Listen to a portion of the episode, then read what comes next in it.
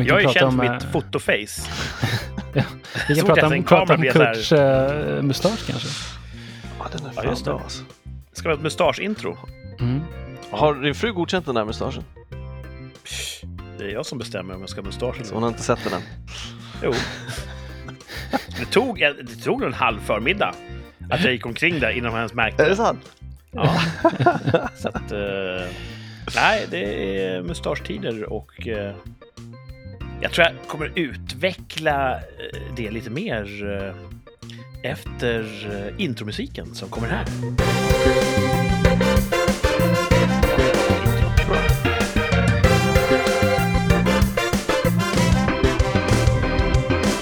Välkomna tillbaka till Rikssamtal, en podd för dig som gillar killar som pratar med varandra.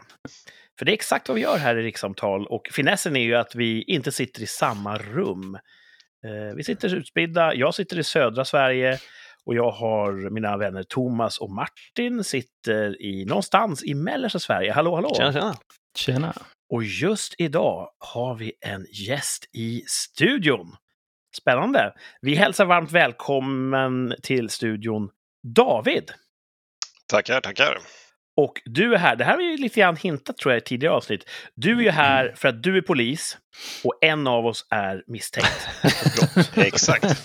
Så att, eh, under sändningen här ska du försöka höra om någon av oss försäger sig och avslöjar mordet. Ehm, har du någonsin varit med om det, att en utredning bedrivs i poddformat? Nej, eh, inte än. Ett förhör kanske? Ja, Skulle, skulle det falla under brottsprovokation kanske? Att en Alltså, polis många- medverkar i någons podd för att få dem att avslöja sig själva? eh, det är svårt att svara på just det, men, men däremot är det ju många förhör som bedrivs över telefon, till exempel. Men Ja, alltså, det. är, är Kurts mustasch kriminell? Ja, lite. Kriminellt sexig.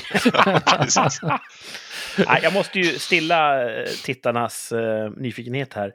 Vi ska ju om några veckor gå och se Top Gun 2, en film om flygplan och de män som flyger dem. Och kvinnor, tror jag, i det här fallet. Eh, och då kände jag att jag ville ha mustasch, precis som Goose har i Mm. första filmen. Så jag prövade det. Det är, känns lite ovant. Jag var ute och gick idag på stan och kände att fan vad kallt det är på hakan.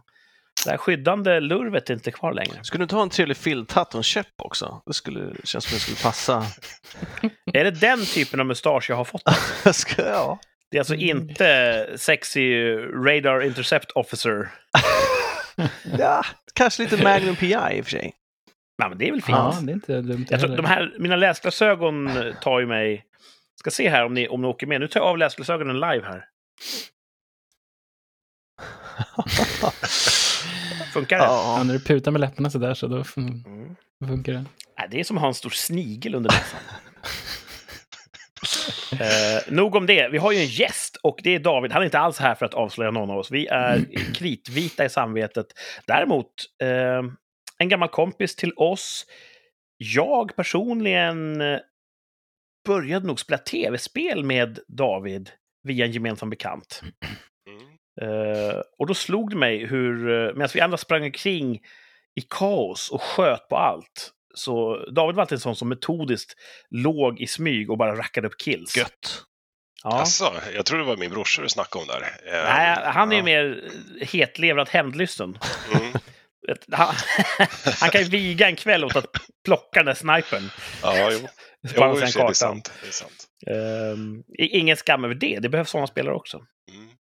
Eh, Men så börjar det. Och eh, sen går vi på precis före sändningen här att Thomas har bott granne med dig. Ja, Ja. det stämmer bra.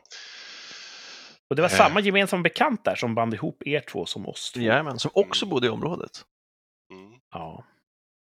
För jag har ju Eh. aldrig träffat dig live, så att säga. Nej, efter, efter tv-spelet så var det ju rollspel, men även det har ju skett på distans. Mm. Ja, Eh, det var väl också lite i corona, eller kanske var precis innan där. Ja, men det var nog lite, corona, men också att jag bor en bit bort. Mm, jo, jo. Så fick jag hoppa på där i farten.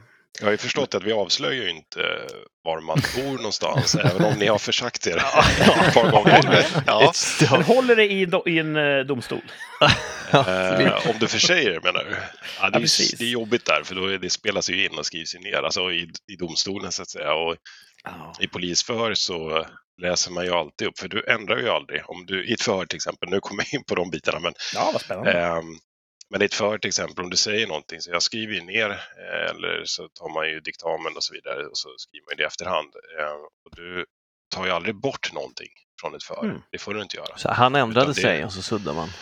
Ja, nej, du suddar inte, utan du skriver då att till exempel när man eh, har avslutat förhöret så ska man ju underteckna det med uppläst och godkänt eller genomläst och godkänt och så vidare. Så eh, får ju den personen eh, säga ja till det. Då. Ibland säger de ju nej och då är det inte så mycket att göra. Då skriver man ju det att eh, misstänkt godkänner inte förhöret. Mm. Typ. Men då kan de ju säga nej, nej, men så där sa jag inte eller jag menade det här. Då gör man ett tillägg i förhöret istället. Ah. Att- Men då kan då den rättsinstansen som bedömer fallet se att ah, först sa han så här, sen sa han så här. Då får de bedöma rimligheten i den ändringen helt enkelt. Ja, dels det, men sen så ska det också inte råda några tvivelaktigheter kring huruvida en- man har ändrat ett för. Hur, om, Ja, om man tar bort någonting så säger jag, ja fast jag vill att de skulle ta bort det här, men nu har ju allt det här försvunnit. Så, så att det är av rättssäkerhet. Så man ska manipulera Mm. de bitarna. Och är det så att det är för mycket som en person tycker är felaktigt i för, då får man hålla ett kompletterande för. Till exempel. Ändrar ofta. Därför är, ja, ibland. Alltså, större utredningar så har man ju flera förhör och det kan ju också vara utifrån ett eh, alltså, taktiskt perspektiv, att man, inte, att man inte lägger fram alla tekniska bevis på en gång, utan man jobbar sig igenom. Eh, för att, eh, eh, ja, en, eh, en, en skyldig misstänkt, om man säger så, som har begått ett brott som den gärna inte vill erkänna, eh, försöker generellt sett hålla sig så nära sanningen som möjligt. Alltså, det som alltså sanning ska man inte säga, men det som faktiskt har hänt. Mm. Eh, men undviker de mest avgörande delarna i, eh, i händelseförloppet. För att, att ljuga stort om någonting, alltså eh, gå iväg för mycket från, från det som faktiskt hände, ser bara konstigt ut, för då behöver man hela tiden ändra sig om man sen kommer tillbaka till att, men hur kommer det sig att dina fotavtryck fanns där eller att du hade eh, målsägarens blod på tröjan. Då måste man ju komma på en förklaring till det. Eh, och och det ser ju inte så bra ut om du hela tiden måste ändra din eh, berättelse. Den andra biten är ju att eh, människans eh, minne funkar på ett sånt sätt att du kommer ihåg vad som har hänt. Men du, väldigt sällan du kommer, kommer ihåg en story som du hittade på. Mm. Eh, och sådär. Och håller då flera förhör och du, ja, vad var det jag sa senaste gången? Hmm. Eh, att, då är det, här, det blir svårt att hålla, hålla en röd tråd då. Och på det sättet kan man ju liksom, Det är som du brukar säga, Thomas, det här web of lies. Mhm. Att, eh, om man talar sanning behöver du inte komma ihåg. Hur brukar jag säga? Du har sån fint talesätt. Ja. Det är något sånt. Du, då behöver du inte komma ihåg vad du har sagt. just det. Precis som David sa. Ja. ja men Mm. precis. Och sen är, jag aktar mig ju för att använda ordet sanning i förhör. Nej men det är faktiskt så och det är, man ska vara objektiv. Eh, och för att oftast är det så att man kan hamna i, i, i clinch med eh, framförallt målsäganden eller vittnen som säger ja, men det här är sant, jag talar sanning. Jag säger, ja fast det vet ju inte jag och din sanning behöver ju inte vara sanning för någon annan. Man kan ju upplevt saker olika och då har man ju Ja, två olika sanningar. Eh, det jag tittar på som utredare eller FU-ledare det är så här, vad kan jag objektivt bevisa i det här? Det är det som måste avgöra Mm. och hur det hänger ihop med andra ja, tekniska bevisningar. Kan man säga så. så här, You can't handle the truth. Ja, precis. Det har jag faktiskt aldrig gjort. Ja. Det fanns Det- alltså substans i att han sa så i filmen. Det var juridiskt korrekt. ja. Sanningen är ingenting man kan hantera. Ja. Ja. Jag, jag, eh, jag känner att jag genast vill börja utforska. Det är ju vä- väldigt mycket spännande saker. Jag känner initialt här att jag hade nog blivit besviken om jag hade blivit polis. För det låter som att det är så mycket mer ordnat och strukturerat. Jag hade nog varit så här med att skjuta från höften och bara Kom igen, erkänn nu! Okej, jag erkänner. Och så är det klart. Eh, men berätta nu David. Eh, hur började din poliskarriär? Hur blev du polis? Alltså det var, nu ska vi se, Eh, jag var färdig 2008, eh, började plugga i Umeå 2006 Och eh, innan dess gjorde jag ju då uttagningskraven, då, eller proven eller vad man kallar det för. Och det var nog mera för att eh, min brorsa och jag sökte samtidigt. Mm. Eh, Så jag hängde med på det. Eh, Och jag har ju pluggat tidigare dataprogrammering på KTH och det blev ju inget bra alls för att eh, jag har fortfarande inte avslutat den utbildningen och eh, började jobba som väktare och bland annat eh, funderade också på att bli brandman i och med att jag gjorde lumpen som räddningsman. Men så då Ja. hade jag lite sån där, okej vad ska jag göra? Eh, Men jag hängde på det så kom jag in. Så du hade ingen riktig karriär innan? Nej, alltså jag hade inte heller någon dröm om att bli polis. Många har ju det, eh, Mm. eller åtminstone hade det förut. Och, eh, det kan vi komma in på sen, men det genomsyrar väl kanske hela organisationen och arbetsgivarna mot arbetstagarna. Hur, hur man liksom ja, inte går dem till mötes riktigt för att man har varit så van väldigt länge att ha folk som vill vara poliser. Så man säger att man Mm. är polis. Jag säger ju inte längre att jag är polis egentligen, jag jobbar som polis. Vilket jag Just inte det. gör längre, utan, eller, jag är, eller snarare att jag är anställd som polis men sitter på NIT-avdelningen numera och jobbar med andra grejer. Alltså, som arbetstagare kanske man då ställer upp på taskiga förhållanden för att det är ett kall. Lite grann. Det, Ja, det har lite så. myndigheten vilat på. Ja, Det både det och att eh, det är en dröm. Och jag tror att har man en dröm och får liksom leva drömmen så, så spelar det kanske inte lönen så stor roll. Så, eh, om man nu ska prata en av hygienfaktorerna. liksom. Men det har man ju sett en ganska stor förändring nu i Polismyndigheten. Många slutar och går till andra yrken för att man kan, eller ja, man ser det som ett jobb. Passar det inte Mm. så ja, tar tar man något annat. Men eh, så började väl egentligen hela den resan att jag hade väl inte så här, jag hade det inte som en dröm, men kom in och tyckte att ah, men det verkar kul. Så otrolig sammanhållning när vi väl pluggade och hamnade där och det var spännande saker man läste och så vidare. Så att, eh, Men på den tiden var inte polisutbildningen betald. nej, det är ganska länge sedan det var det. Eh, Så att, eh, det, här var, det var som en vanlig högskolestudie egentligen. Du fick ta studielån Ja. och... Är det inte så den- längre? eh, att det är en högskola? Nej, Ja, alltså, nej, den är, är ju tvåårig. Ja, men är den inte... Alltså, får man inte... Är den betald nu? Nej, Nej, den har alltid varit studiemedelsberättigad så att säga. nej, utan det var någon gång, jag kommer inte ihåg när det var, men det var långt innan jag eh, pluggade så, så kunde du få, då blev du ju liksom anställd hos Polismyndigheten Under utbildningen? redan innan tror jag att det Ah. var, eller du fick lön för att gå utbildningen. Okej. Men då såg den ju annorlunda ut, för då, då gick du kanske, oh, det här kan jag ha helt fel i, men jag för mig att det var att du pluggade först ett år och sen jobbade du ett halvår och sen så gick du tillbaka och pluggade och sådär. Och då höll du på eh, mycket längre. eh, Mm. Men nu är det ju bara två år och sen ett halvår aspiranttjänstgöring. eh, Så. Var det roliga antagningsprov? Nej, så roliga var de nog inte. Alltså, nej, det var de inte.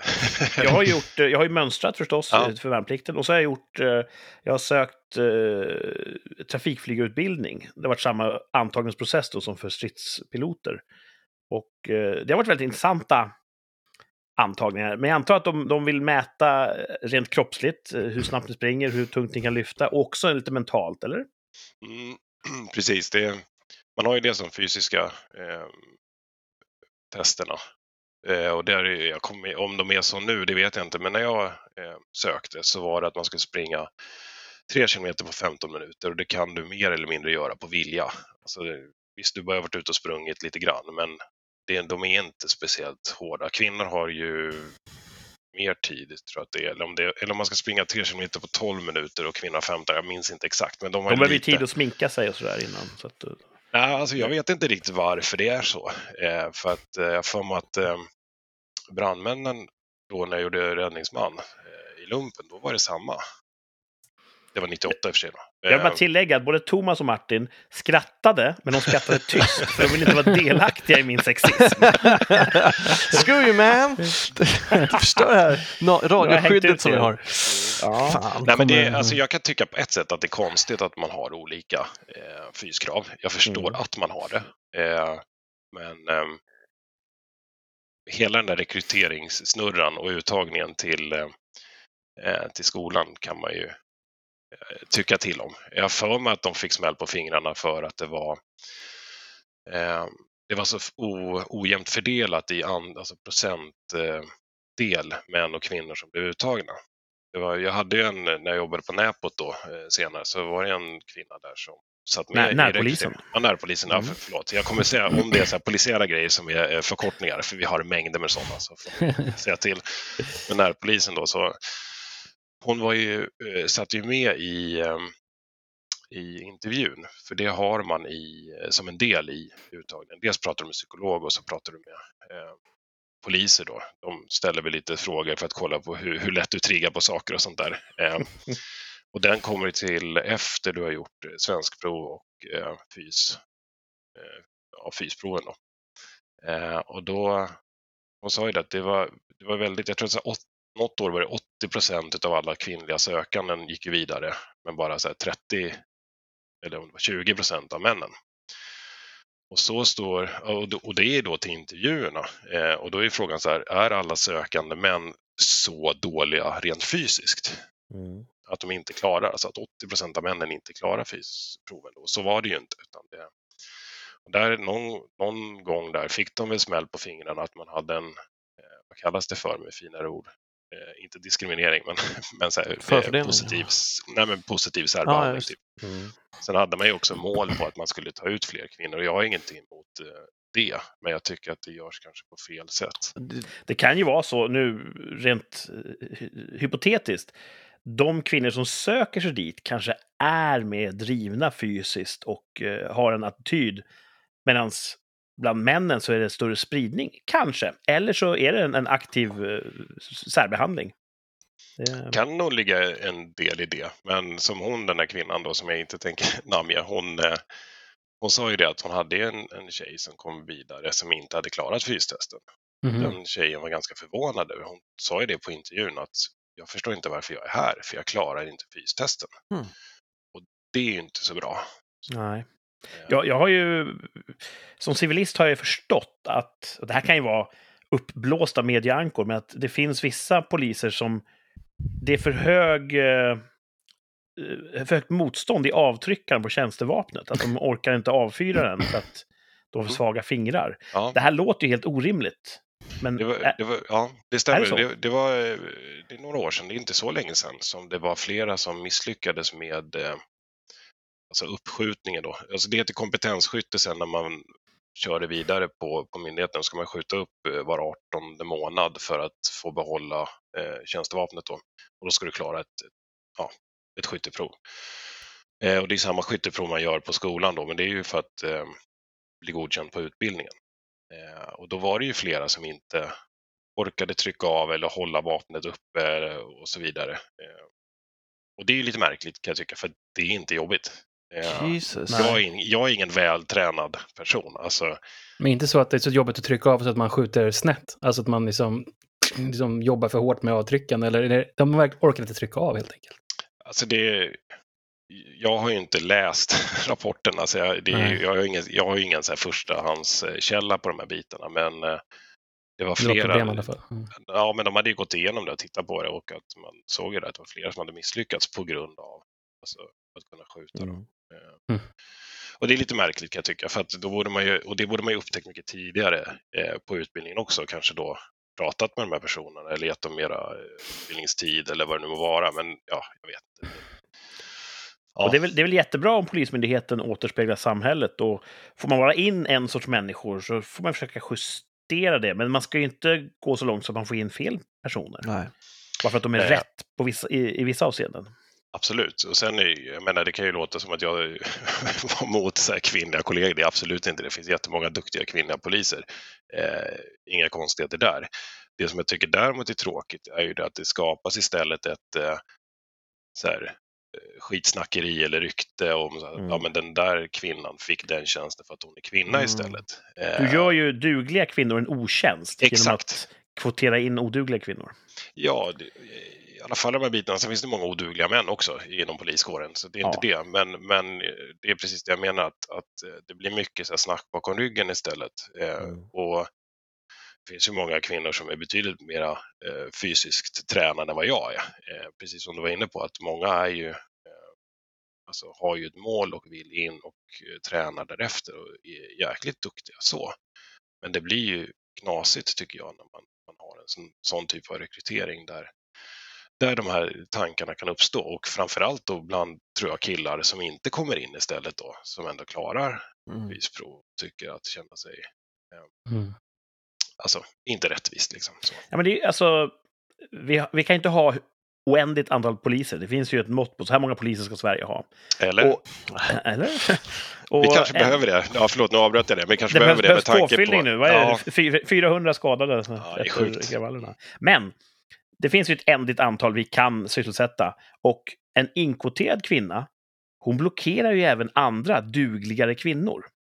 Så att ta in någon bara för att de är kvinna, då tar ju hon en plats från en kanske ännu dugligare kvinna som kommer senare. Så att det... De måste ju söka också. ja, ja, Och- Och jag skulle säga det att eh, gällande det här med av, avfyrningsmotståndet eh, motståndet då, eller vad man ska kalla det för när de inte orkar trycka av, eh, det var ju inte bara kvinnor eh, som det handlade om. Mm. Så att det, där, där var det liksom lika och där kan jag ju tycka att man borde ställa högre krav på fystesterna då. Verkligen. Eller byta, eller byta kan vara- tjänstvapen. det, är väl, det är väl på gång nu att byta ut uh, tjänstevapnet, eller? Jag har för mig att det är det. Ja. Det är ingenting jag inser. Ehm, jag har ju eh, i min roll i Försvarsmakten ibland suttit med på så kallade säkerhetsintervjuer. Ska man tas upp i försvar- Försvarsmakten så får man då sitta med på en sån där man väldigt grundligt går igenom ens privatliv, ens bakgrund helt enkelt, för att reda ut. Kan det vara så att man är, är potentiellt eh, måltavla för påtryckning eh, och så vidare? Eh, är, är man olämplig har man kanske någon, någon, eh, någon inställningsproblematik som kan vara, eh, ligga i fatet. Det, är- det är ganska djuplodande diskussioner. Eh, jag antar att de här diskussionerna med andra poliser som, som ni har då i antagningsprocessen, det är något liknande. Ni försöker utreda vad är det, vad är det för person, eller? Ja, jag tror att den biten ligger nog mer på dels psykologerna så gör de ju någon bakgrundstest på en.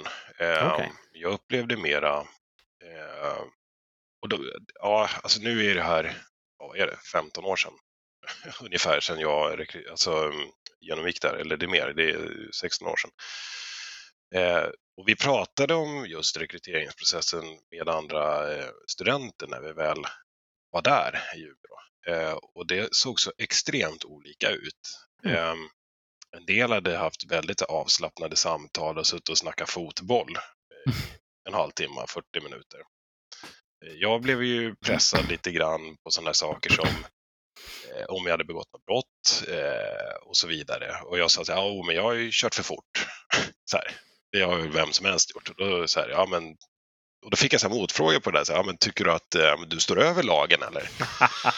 Jag bara, nej, det tycker jag inte, men allt är väl inte så svart eller vitt. Så bara, vadå? Det står ju i lagboken.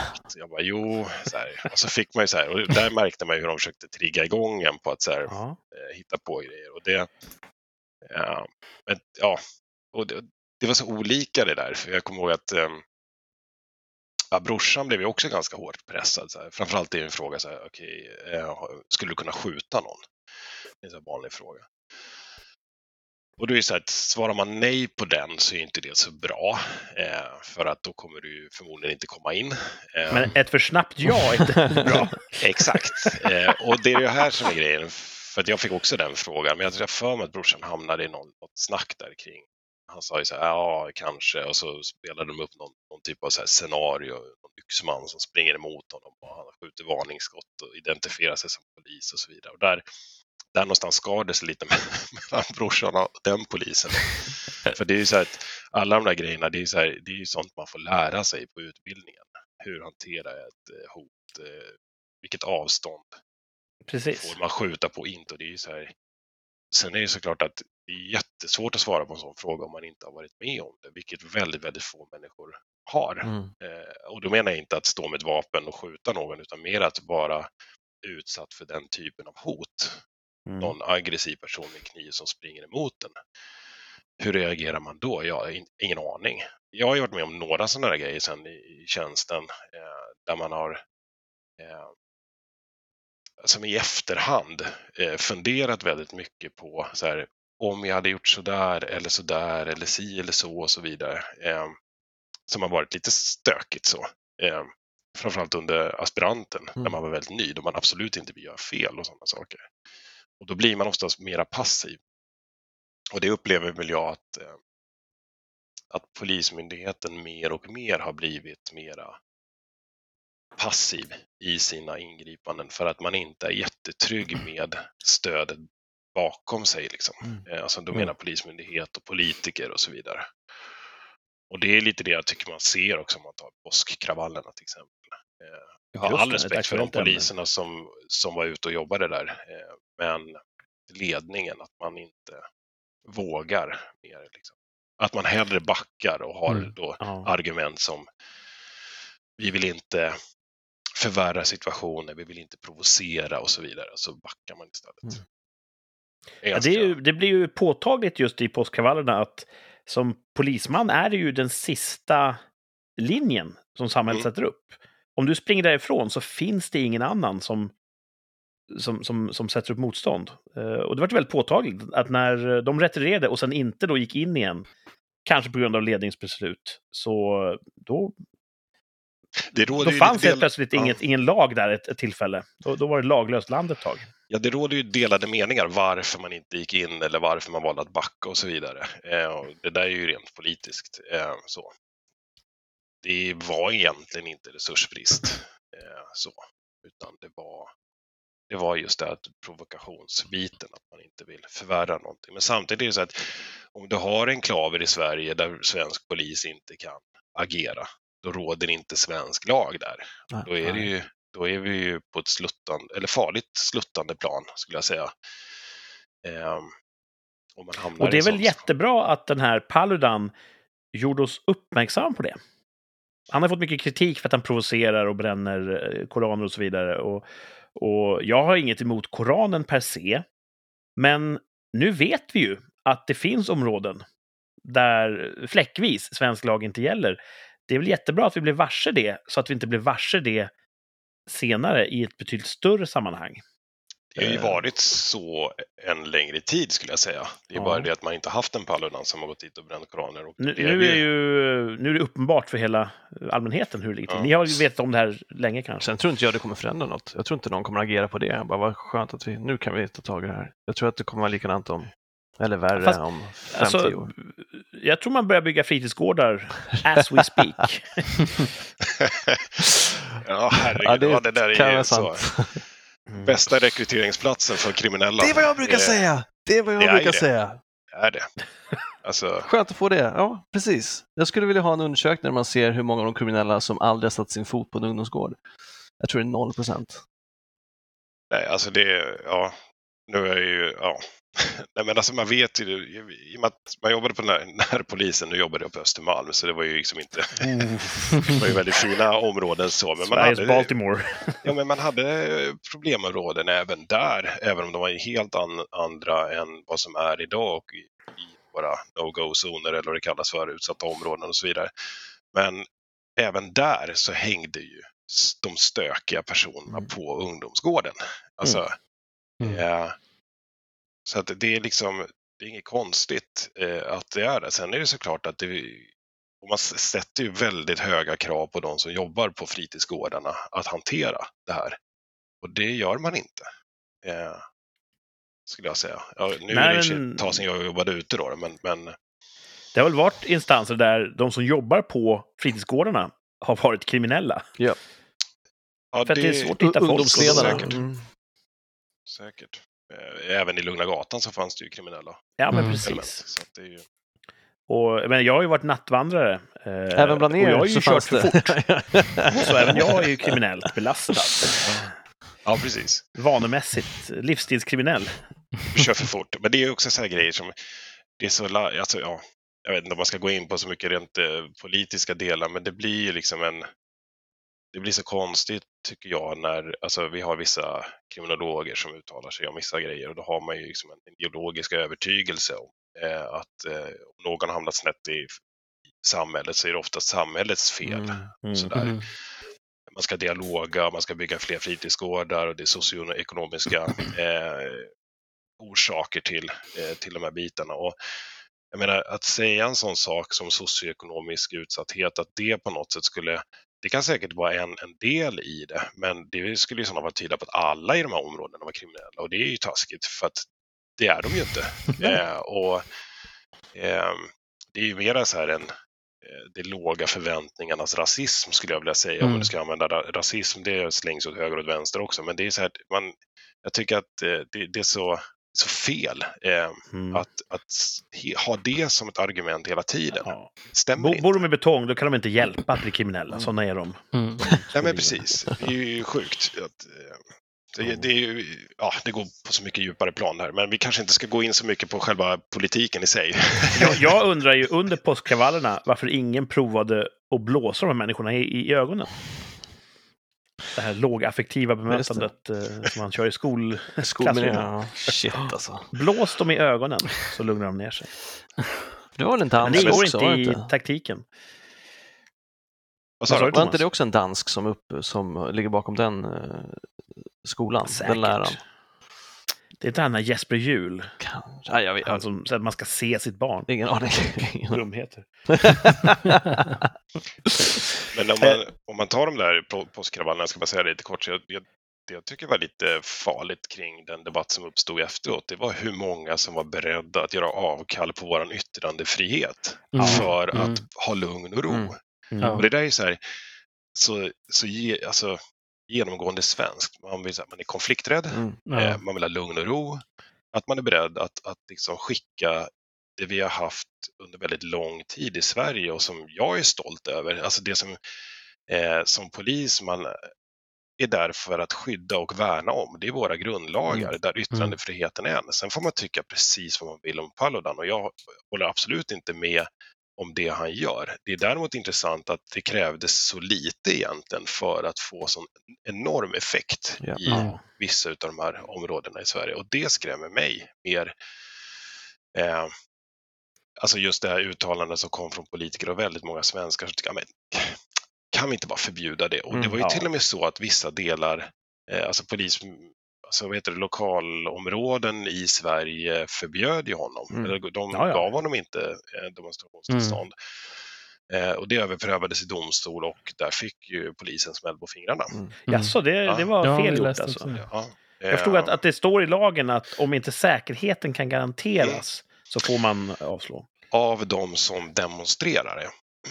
Aha. Inte motdemonstration. Du får aldrig neka tillstånd på grund av att motdemonstrationen på det du ska yttra och säga eh, alltså eskalera ja, eller någonting. För, för då, då bjuder du in till ökad våld för att tysta om du inte håller med. Exakt, för då är det den som har det största våldsmonopolet som dikterar vad som får sägas och inte. Ja. Just nu så har vi då våldsmonopol i olika delar av Sverige eh, där eh, man dikterar vad som får sägas och inte. Mm. Och det är ju alltså, om, om du är för yttrandefrihet, så länge det är åsikter som du själv liksom, ja, men det här, jag behöver ju inte bränna koraner, så att då kan vi väl förbjuda det. Då är du ju inte för yttrandefrihet. Nej, det måste ju vara det som du exakt. tycker är vedervärdigt. Om du är okej okay med att det får sägas, då är du för yttrandefrihet. Annars ja, är det bara för att du får säga vad du tycker är okej. Okay. Nej men precis, och det har ju varit så lite grann i den svenska politiken ganska länge nu att man har mm. en åsiktskorridor, även fast de som då är inom åsiktskorridoren inte håller med om att det är en korridor, fast det är ju det. Mm. Men det är väl det här, precis som med fredsskada, att vi har inte prövats i de här frågorna. Nej. Vi har ju trott att vi har yttrandefrihet och att vi har ja, alla möjliga härliga eh, värderingar, för att vi har påstått att vi har dem, men vi har inte testat det. Och nu testas det och då visar det att ja, men vi, vi kanske inte är där vi, vi, vi trodde att vi var. Jag tror att man, har, att man inte riktigt förstår vad yttrandefrihet egentligen innebär. För det är också sådana saker som man, man börjar ju slänga in så här som huruvida någonting är ett hatbrott och inte. Mm. Det ska man inte blanda ihop med yttrandefriheten för då, det är så här, hatbrott är ju ett brott, eller det, det i sig är inget brott, utan det är att om jag till exempel misshandlar någon och under tiden jag misshandlar den personen Säger dumma saker?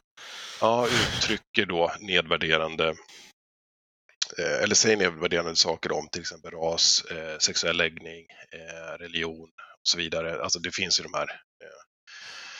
Då ska det bedömas som ett hatbrott och då blir ju straffvärdet skärpt. Men det måste, måste finnas ett riktigt brott, om du ursäktar uttrycket, i botten? Eh, Ja, precis. Just det. Det måste. Och så här, Förolämpa någon är inte ett brott. Jo, det är det ju, men det, jag, tror inte, jag tror inte att förolämp... Jag kommer inte ihåg hur det är. Nu får väl någon som är bättre på juridik än jag eh, rätta mig om jag har fel, men jag för mig att förolämpning inte ligger under allmänt åtal, vilket gör att du själv, om du vill driva det, så får du gå till Polismyndigheten Ah. och så kommer jag göra det. Så, att det, för att så här är det ju, att jag har ju som polis ehm, eh, all, vad heter det, anmälningsplikt. Det vill säga att om jag ser ett brott så skall jag rapportera det. Eh, annars begår jag ett lagbrott. Mm. Eh, och Men bara om det är under allmänt åtal. Jag för mig att det är så. Det här Ja. är jag o- osäker. Men annars, det hade ja. varit o- alltså, fotbollsmatch. Ni hade inte gjort annat. Domaren har hasch i sin pipa. App, app, app, app, app. Ja, men det ska ju vara, alltså förolämpning ska ju vara dignitet så att säga. Men, men det är också så här, jag, jag, jag, fäll, jag vad heter, bötfäller ju inte min fru när hon kör för fort. Jag sitter bredvid. Liksom. Det hade inte funkat. Ja, Och det Men, ska man göra. Men vet hon om att, att du aldrig kommer göra det? Annars har du ju en bra liten uh, maktfaktor där. Hon, hon kanske inte Ja, litar på att du inte Jag kommer göra brukar det. säga så här att alltså, det är ju inte 160 på den här vägen.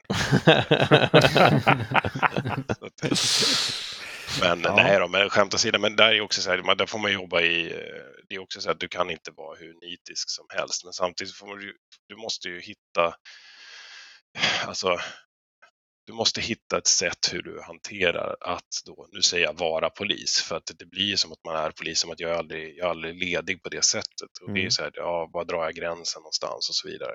Och där, har- det tycker jag har varit väldigt skönt av att jobba i, i Stockholm. Eh, nu sa jag var jag bodde någonstans, men det är skitsamma. Eh, Det är ingen, jag har sagt Östermalm också, så det är inget problem. Nej, men just därför är det väldigt skönt, för det är en stor stad. Eh, man blir, känns inte igen eh, och så vidare. Det är ju värre för kollegor som jobbade i Ånge till exempel. Det är så här, ja, grannen bränner hemma. Så bara, hur fan ska jag hantera det här? Ja, just det. Mm. Eller så här, de skjuter ju, alltså ut och jagar från bilen. Det är så här, hmm. och där, de bitarna är ju betydligt stökiga, för där tror jag att det är mycket, mycket svårare att hitta den här eh, balansen i eh, hur man jobbar och är. Ja, för att du, alltså, du är polis, du är också en bybo. Och precis. antingen står du utanför byn och tittar in och, och lagför byn, eller så är du en del av byn. Och det måste vara en svår balans. Jag tror att det är svårt, för att eh, ja, nu, jag, jag kan ju inte uttala mig för, för hur det är egentligen. Det är bara att vi hade de diskussionerna, kommer ihåg, på skolan. Liksom, vad, och det, är- lärarna sa ju det, att ni måste hitta ert eget sätt att hantera de Ja. bitarna. För att det går ju inte att vara hur nitisk som helst. Sen finns det ju de poliserna som är hur nitiska på, eh, som helst, eller hitta just sin passion. Det finns de som är jätteintresserade av bilar och, och eh, göra besiktningar och tunga fordon och sådär. Och de är ju såklart mer måna om att göra, alltså, jobba med den typen av brott. Det har ju aldrig varit min eh, stora passion. Så. Eh, sen vet jag inte vad den har varit riktigt, men jag tyckte ju förhör var jätteroligt och Ja. vara förhörsledare och sånt. Mm. Mm. Vrida och vända på, på de Eh. Thomas och Martin, har ni någon gång velat bli poliser? Jo, när man var liten. Alltså jag tänkte ganska mycket på det där. Jag tror jag skulle, mitt, mitt, men, min psyke skulle passa ganska bra, men sen så skulle jag, jag kan inte komma ihåg namn eller någonting på folk. Så jag är extremt lättlurad. Så att jag tror Som en sån här Pippi jag- Långstrump-polis. Ja, jag är för godtrogen för att ja, jag skulle först, först glömma allas namn och sen så skulle jag bara liksom att ja, men jag har inte tagit den här grejen. Ja, okej. Så, Ja, jag- alltså jag skulle vara helt usel så. så jag, men jag tror att mitt mentala, mentala biten så, ska jag säga, lugn. På det sättet skulle jag passa som polis. Och du är ju en väldigt, väldigt bra skytt. ja, det ska vara det. Jag kan vara tyst och så skjuta folk. Den man kallar fram när det och börjar. sen glömma bort vad de heter. Som han den här eh, No Country for Old Men. Ja, Den här precis. tysta mördaren som bara mördar folk. Det skulle vara Ja. Martins eh, polisiära Mm. persona.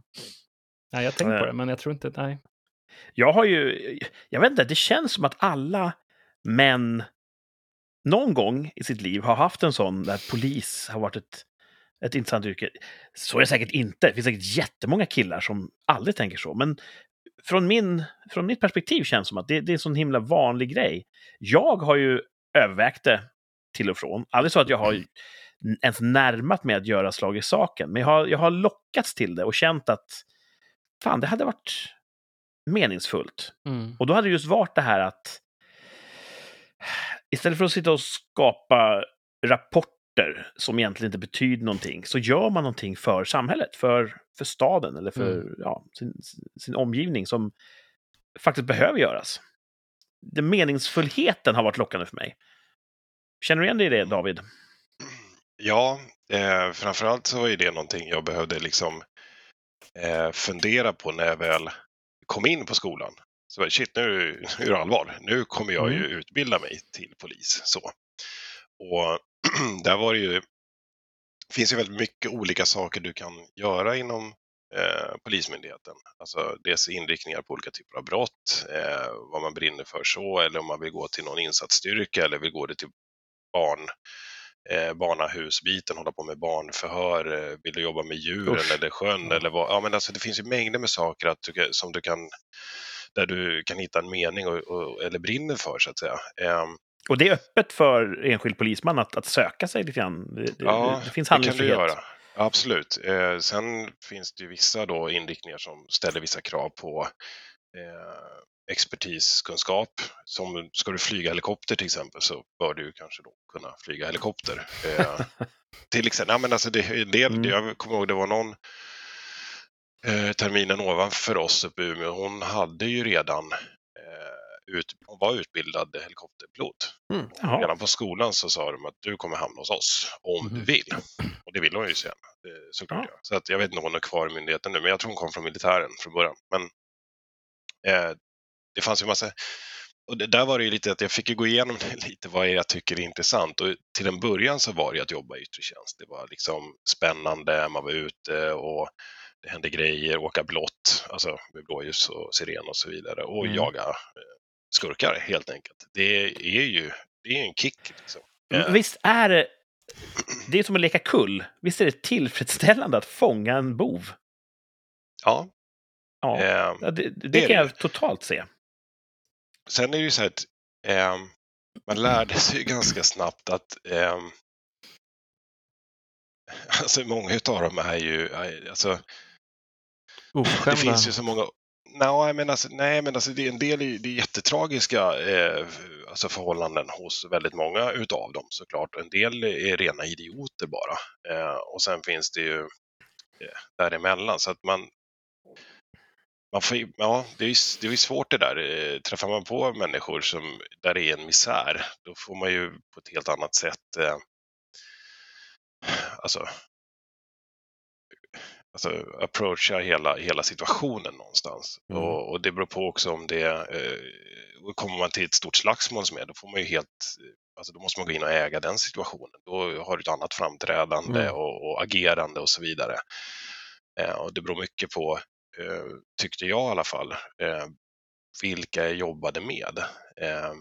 Hade jag folk som var, för, som, som du sa där, eh, Martin, det är inte ett problem att vara lugn och godtrogen och så vidare.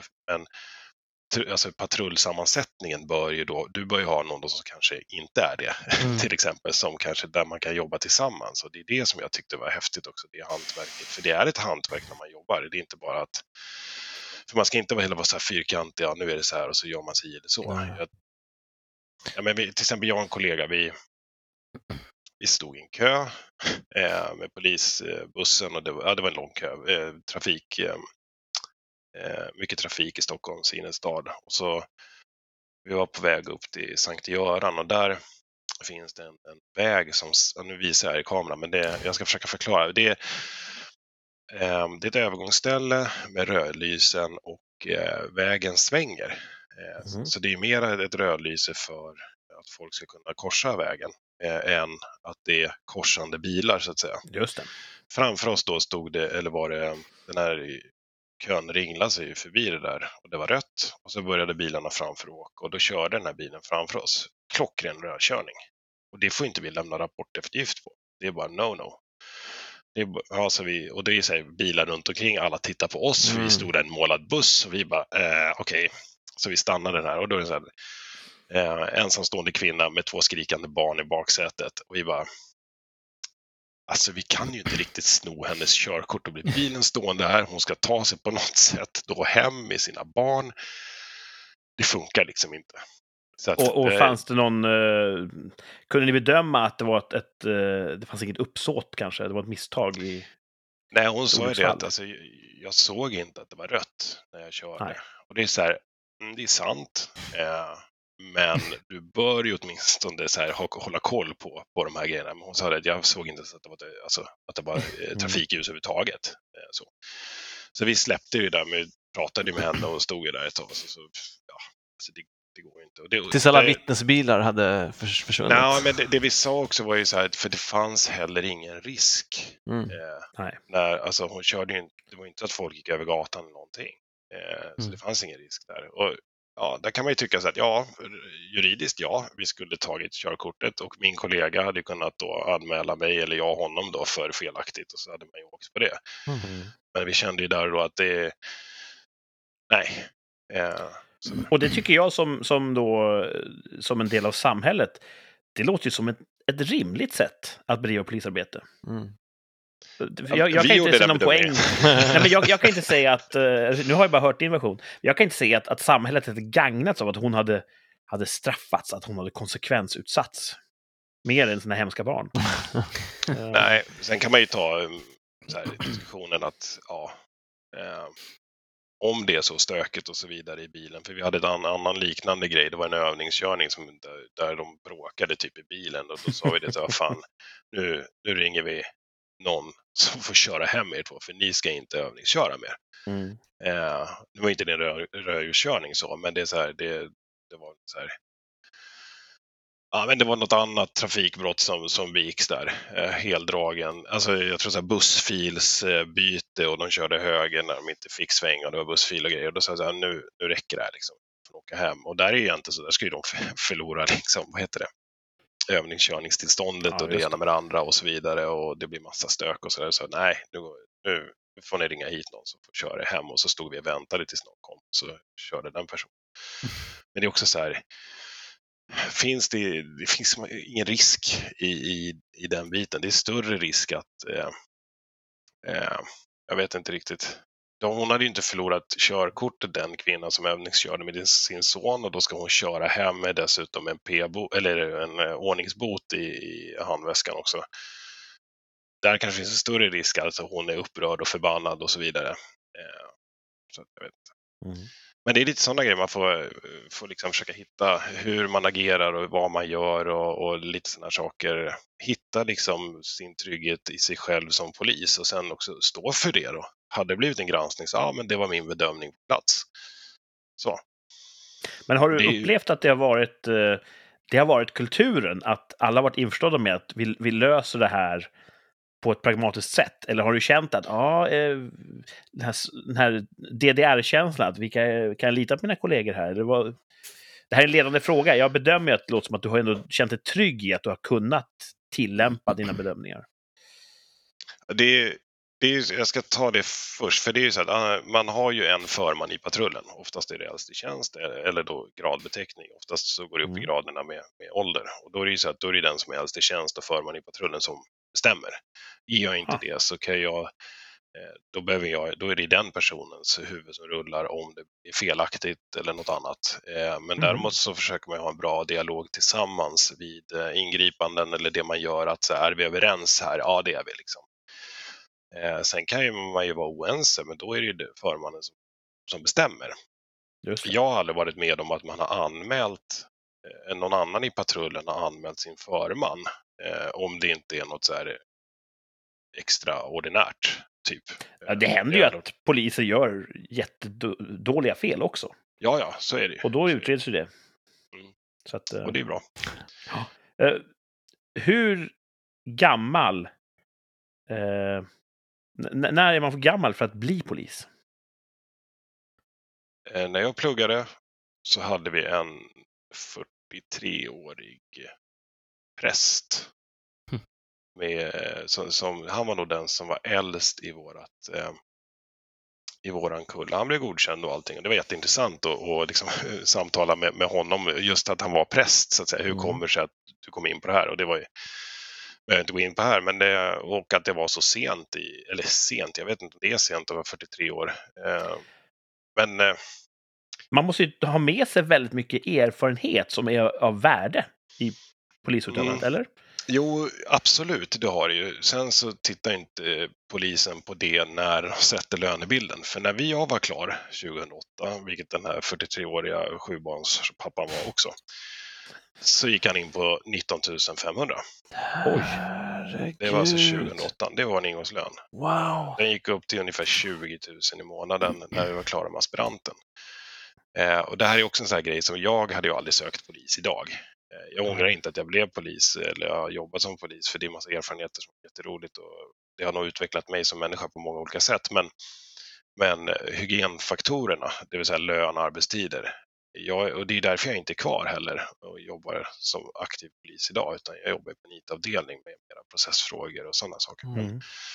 Ehm, och jag slutade 2006 som väktare. Då hade jag 25 000 i månaden efter två veckors utbildning och jobbat ett och ett halvt år. När jag slutade jobba med rent polisiära saker 2014, där hade jag varit polis i sju, ja, nästan sju år. Eh, vad blir det? Ja, åtta år då nästan. Då hade jag 24 500. Jösses. Gud alltså. och, och varför är det så? Därför att man kan inte... Eh, dels så satsas det inte på... Sen efter det här i och för sig, jo för det kan jag säga också, som det, det, det som var droppen som fick bägaren, det var att precis innan där så då jobbade jag i och för sig som utredare eh, på Norrmalmsjouren. Jag hade 24 och 5 tror jag i månaden. Och skulle åka ut och göra en husrannsakan och då fick jag en, en patrull med mig. Eh, och då var det min före detta aspirant eh, och hennes då eh, aspirant som precis hade blivit färdig polis. De två hade högre lön än jag hade och jag var förman i patrull. Så Oj. det skedde ju någonstans där eh, att man höjde ingångslönen för poliser. Idag tror jag att den ligger runt 25 tror jag. Men det hade Jaha. inte ens jag efter, efter sju och ett halvt år. Men då måste man höja över hela stegen, känns Mm. det som. Och det gjorde man sen.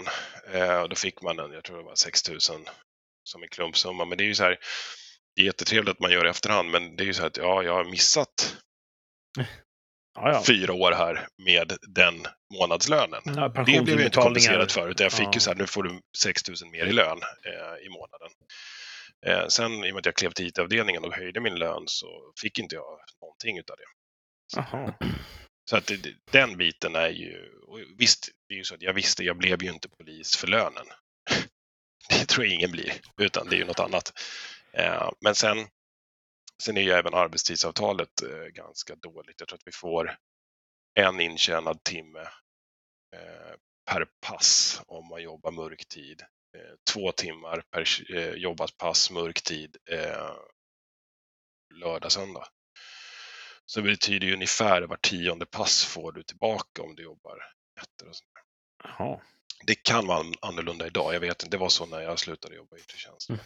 Och, och det här är så himla märkligt för att vi har en enorm offentlig apparat i Sverige. Mm. Vi betalar in jättemycket skatt och sen så bestämmer folk att det här ska få kosta och det ska få kosta. Och det sitter så långt inne att bara höj lönerna för poliser och sjuksköterskor. Eller ja, sj- sjukvårdspersonal. För det känns som en sån klyscha nu att de tjänar dåligt. Mm. Men varför ändrar vi inte på det? För att vi har ju så himla mycket pengar att lägga på andra saker. Mm. Mm, det, men sen, oftast när man gör det så tittar man ju så här, ah, okej, vad tjänar en, en polis i genomsnittlig lön? Vilket blir ju jättefel. I och med att många, vi har alldeles för många eh, mellanchefer inom polisen. Eh, jag tror att våran administrativa del eh, inom svensk polis är typ tre gånger större än vad norsk polis är.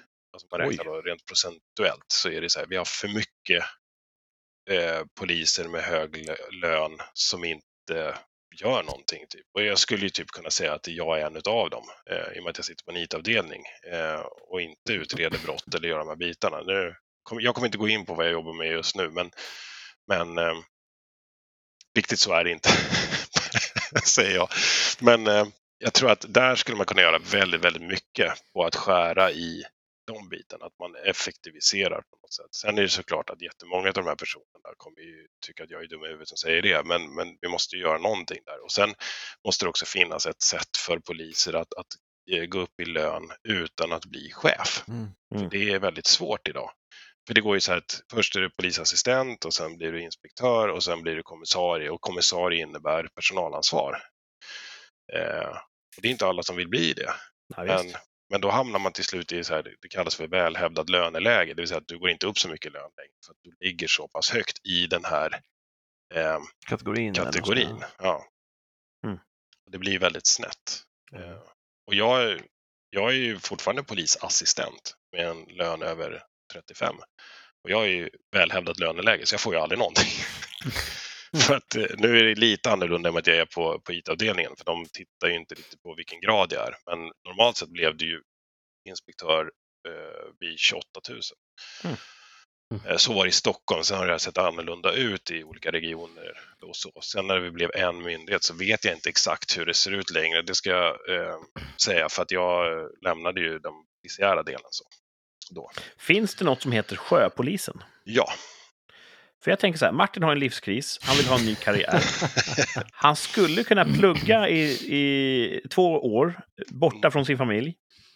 Eh, och sen jobba som lugn och fin polis på båt. Som han ju behärskar och älskar. Eh, jag lägger in ett gott ord. och, och, och få jättedålig lön. Ja, jättedålig lön. Ja, men det, Men det skulle vara en möjlighet alltså. Han är inte för gammal.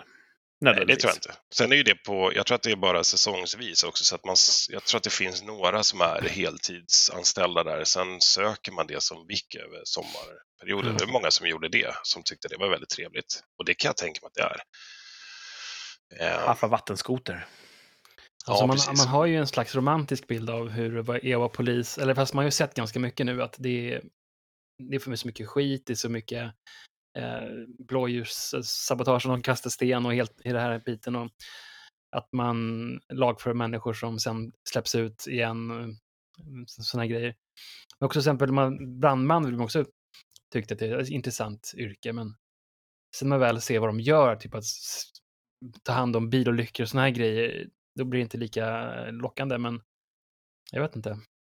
Jag har en hög eh, respekt för poliser som står ut med lön och den situationen. Alltså det är, och även eh, givetvis i sjukvården då, de som jobbar skiten hela tiden och bara får så mycket, tar mycket, så mycket skit och så dåliga förutsättningar och så, så lite lön och cred.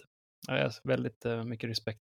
Ja, det är där man landar lite grann. Jag har ju dragits i tanken mot polisyrket, men så har jag tänkt då, fy fan mycket misär man måste bevittna. Mm. Det är glada dagar på Södermalm där solen är på väg ner, men det är också det här totala mänskliga förfallet. Alltså folk som mår jättedåligt och folk som gör jättedumma saker mot andra människor, mot små barn. Alltså, ja, jag kan ju jag, jag kan bara föreställa mig, och det räcker för att det ska vara en turn-off för mig. Det känns som att um, man skulle behöva gå som en uh, praoelev inom polisen bara för att se hur det verkligen ser ut um, på, på riktigt. Finns det ride-alongs i svenska polisen? Mm. Alltså vi har ju, eh, ibland är det vissa ministrar som åker med. Eh, Ja. för att se, och jag tycker att typ Morgan Johansson borde ju vara där dagligen för att se hur hans, det som ligger under hans paraply inte... Ja, ni, ni är ju hans Så. gossar. Mm. Vi brukar säga att vi är kungens gossar, men ja. Eh, och det känns ju bättre. Men i alla fall, eh, jag ska bara knyta an till det du sa där Martin, att, man, eh, eh, att det känns meningslöst sådär. Eh, och det gör det ibland. Jag har ju gripit en och samma person tre gånger i samma arbetspass och personen vågar släpps ut. Mm. Och det är så här, så att jag tycker så att jag- har också jättemycket hög respekt för de poliser och de som vill bli poliser idag som jo- vill jobba med det här. För att det är, eh, det är klart att alla dagar är inte jobbiga, men, men många dagar har ju varit jobbigt och där, där kan jag ju tycka att det är skönt att ha haft en uniform på mig. För den hänger man liksom av sig. Man hänger av sig uniformen när man går hem och lämnar mycket därhän. Och sen tycker jag också att eh, hela, nu kallar man det inte för debriefing längre, men det gjorde man förr i alla fall, att man, man har möjlighet att prata av sig om något har varit jobbigt till exempel. Eh, och sånt där. Att, eh, där tycker jag att man är ganska bra. Man har en gedigen krishanteringsbit eh, bit inom polisen. Så där. Eh, det kanske finns andra som har varit med om värre kriser än vad jag har varit som kanske tycker annorlunda, men jag tycker ändå att den är, den är bra, eller mycket, mycket bättre. Sen så är det också så här att eh, det jag kan tycka, eller bli lite så här less på ibland, det är ofta så när man pratar om polisens löner då, vi ska inte hänga upp oss vid det för mycket, men då brukar man oftast jämföra oss lite med sjuksyrrorna och så vidare och det kan liksom bli en, en diskussion mellan de här grupperna, så att säga. Mm. Vilket det, ska inte vara en diskussion mellan de grupperna. Eh, för att det är inte antingen ska de ha det bättre eller poliserna eller lärarna, utan man tittar, alltså det är så här, fan, vi borde, vi betalar bland de högsta skatterna i världen i det här landet. Mm. Borde vi då inte ha bland de bästa poliskåren, sjukvården, Mm. skolan och så vidare. Eh, jag tycker inte det är något, något konstigt eh, egentligen att det borde vara så. Eh, men vi har ju problem i alla de här områdena i olika grad såklart. Mm. Det som är stökigt för poliser just, det är att vi kan inte välja en annan arbetsgivare. Vi är alltid låsta med den vi har. En sjuksyrra kan gå från ett enat sjukhuset till ett annat eller gå till äldreomsorgen eller alltså, där det är en bristvara på vissa sjuksyrror eller så, eh, där går oftast lönerna upp för att det är inte så Mm. många som vill dit. Jag tycker inte det är rätt heller för jag tycker man borde ha en ganska hög lägstanivå där. Men, men jag kunde ju inte säga, nej men jag går till Vasastans Näpo istället Mm. och får höja min lön. De bara, nej. Men många sökte sig å andra sidan då i alla fall till Stockholm för vi hade, vi hade högre lön i Stockholm för att är arbets... Det är ofta så här, lika lön för lika arbete fast det är inte lika arbete i Stockholm som i Övertorneå. Det kan Nej. ju inte vara, nej. Nej. Nej, sen som, som jag sa inledningsvis där, det var ju att de ställs inför andra typer av problem men har inte alls samma eh, tryck på hur mycket man måste jobba och sådär. Så att, eh, men eh, ja, nej, alltså jag är, jag är stolt över att folk fortfarande söker till polisen. Jag hade aldrig gjort det idag. Det hade jag inte gjort. Men på frågan, borde poliser få högre lön? Där svarar du ja. Eh, ja, det tycker jag. Eh, nej, men det finns ju andra sätt att lösa det på också. Du skulle kunna ha bättre tidsavtal till exempel. Eh, Jaha. att du jobbar mindre, för jag tror att egentligen den är viktigare egentligen. Det var ju Martin inne på förra avsnittet. Mm. Jobba mindre. Just det. Nej, men just det att du kompensation för, för återhämtningen. För att Ja, jobbar du mycket och inte sover, vad händer med dig då? Det, det märkte ju min fru på mig eh, successivt så här. Jag blev ju mer sur, trött, hängig, ont i huvudet. Och det är inte så bra att vara sur, trött eh, om du är ute och ska ta hand om personer eh, som har upplevt något form av trauma eller hemskt eh, eller utsatt för brott eller någonting. Jag måste vara skärpt och klar i skallen eh, och kunna liksom någonstans visa ett medlidande liksom. Någonstans sådär. Hur ligger lönerna i Norden eh, jämförelsevis? Jag är faktiskt inte insatt i det. Nej. Eh, det är jag inte. Men, eh, men numera har man väl mera jämn lönefördelning eh, Mm. över riket när vi, efter att vi blev en myndighet. Mm. När jag eh, nattvandrar i den här lilla orten där jag bor, eh, det är det lokala paradiset på jorden. Det är den, den minst brottsbelastade kommunen, tror jag, i, eh, i, i grannskapet. Eh, väldigt lugnt och trevligt. Men vi nattvandrar ändå eh, och vill tro att vi gör en skillnad. Men jag blir alltid besviken när jag ger mig ut vid nitiden, kommer hem vid midnatt, ett snåret och det har inte hänt någonting. Vi har inte sett så mycket som en katt. Och en del av mig vill ju se någon sån här ungdomsgäng på stranden som kanske råkar i slagsmål. Så man får säga, hörni ni, ska ni inte ta och sluta upp med det här? Och jag vill ju se de här knarklangarna så jag kan spänna blicken i dem och störa deras verksamhet. Så att för mig är det meningslöst att nattvandra när det aldrig händer något. Kan det vara så att det kanske aldrig var lugnt ett helt pass i Stockholm, men en patrull där det inte händer något, är det en bra patrull eller är det en nej, dålig patrull? Men det händer ju alltid någonting. Det är så. Alltså, ja, det är alltså framförallt nattetid. Eh, eller ja, i och för sig, jag ska inte säga alla nätter händer någonting, men det är också lite beroende på hur du är som polis, för du vet ju vilka hotspots, alltså där det händer saker. du Alltså, kan välja att, att skapa det arbete. Ja, Liksom. men åk ner till Plattan, det händer ju alltid någonting där. Eller så, eh, alltså in i city, det finns ju, du vet ju vad saker och ting händer. Eh, Mm. Så att det går ju att leta upp det eh, om det är så. Och vill du inte att något ska hända, ja men åk ut till Djurgården och köka en glass och sitta ute och titta på havet. Men det är ju så här, är- är det det som skattebetalarnas pengar ska gå till? Jag tycker inte det, utan man ska ju liksom vara det är väl med värdegrunden som vi har, så här, eh, heter det, det är tre ord bevingade, engagerad, eh, effektiv och någonting mer. Jag kommer inte ens ihåg den för jag tycker att den är lite halvlarvig så. Men, och det, är så här, det, det tar jag för givet att mina kollegor liksom är för, för att man är polis någonstans. Annars kan du lika gärna göra något annat. Mm. Men Eh, alla arbetsplatser har ju den här killen som tar långa toalettpauser hela tiden. Ja, fast Det du kan bara- ju inte ropar de på dig då helt plötsligt. Ja, eh, 3410, eh, pågående misshandel, så sitter du och snubbar där liksom. Okej, vänta jag ska bara bli klar. Nej, det går inte. Så att det där men måste man ju, då tar man ju ett avbrott i sådana ska fall. man nypa av alltså? Nej, ja, men du, du tar ju i sådana fall lunchpaus. Och då, det är ju så att när du går, åker in och ska skriva av dig grejer eller om, om du har gripet då, då måste du åka in för att den, Ja. det är ju så att tiden har börjat ticka och så vidare. Så att du måste ju liksom hela tiden ha en dialog med RLC som är regionledningscentralen. Då. Så de ser vad du gör och inte och då är det så att eh, ha, behöver du tid för att ja, gå på muggen, käka eller göra någonting, då, då tar du ju ett matavbrott så att säga. Ja, okej. Men det kan vara så att är det ont om patruller, då rycker de dig i alla fall. Eh, Ja, men det har jag hört. Jag har eh, andra bekanta som jobbar som poliser. Att de jobbat hårt, äntligen luckad, stannar, köper en kebab, får bara slänga den i soptunnan och köra iväg för att det händer någonting direkt. Det, så kan det vara ibland, säger de. Ja, jag har ju sparat min och käkat en kall på vägen hem istället. Okej, de är lite mer dramatiskt lagda kanske. Då vill inte jag ha den här! Nej, precis. Ett Ja, kebab, det är ju roligt också. Jag har, ju, jag har ju känt igen folk också när man åkt hem. Avslutat nattpass, eh, ska ner till tunnelbanan för, på vägen hem och så Fan, jag känner igen den där killen. Så bara, just det, det var han jag grep. Jag bara, Tryckt stämning. ja. Jag är lite nyfiken på, nu är inte du patrullerande polis längre, eh, men är anställd på Polismyndigheten. Eh, Så som sådan, hur är en vecka? Veckan som gick, var det någon topp i ditt polisliv och var det någon botten i ditt polisliv?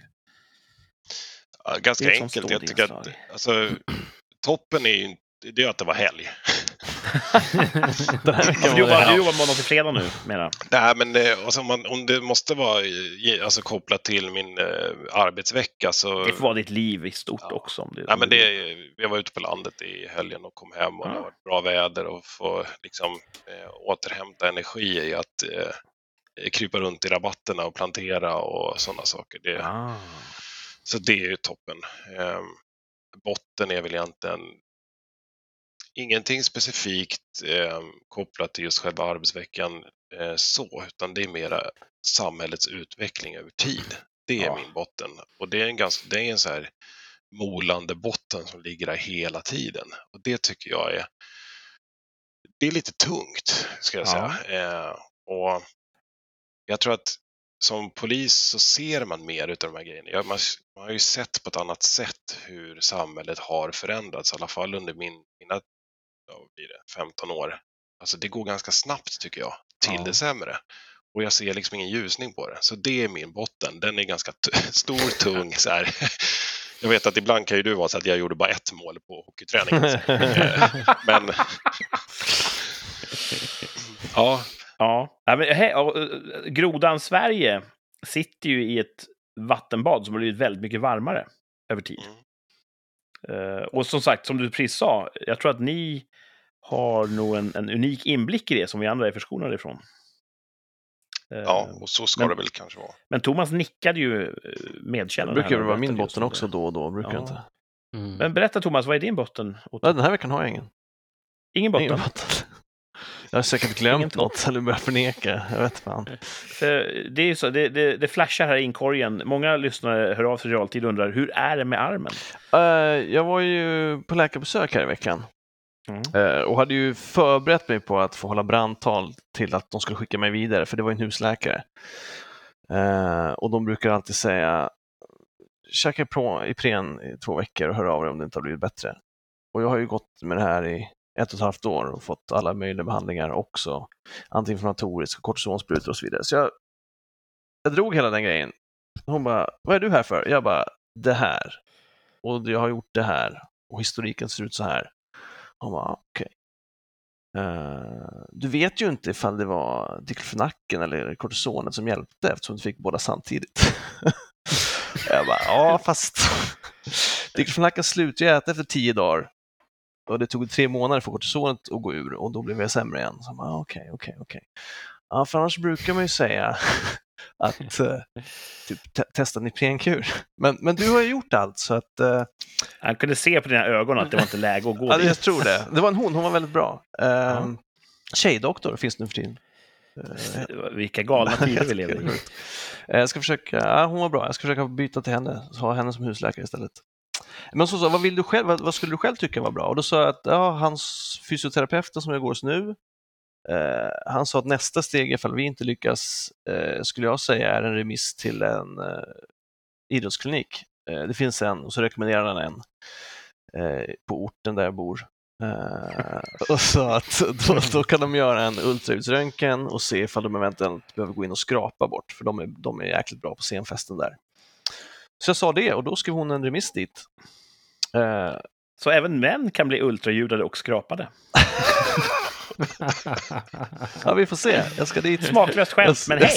Alla kan inte vara, alla kan inte vara, flyga Nej. högt. Nej.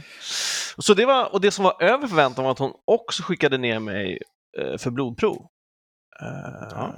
Det hade de verkligen behövt. Det gör de ju aldrig. De brukar aldrig ta några jävla tester. De brukar bara säga, hör av dem om det inte blir, hör av om det blir sämre. Eh, och de resultaten var bra. Jag hade högt på kalcium och kalium, men alla andra slog jag innanför referens.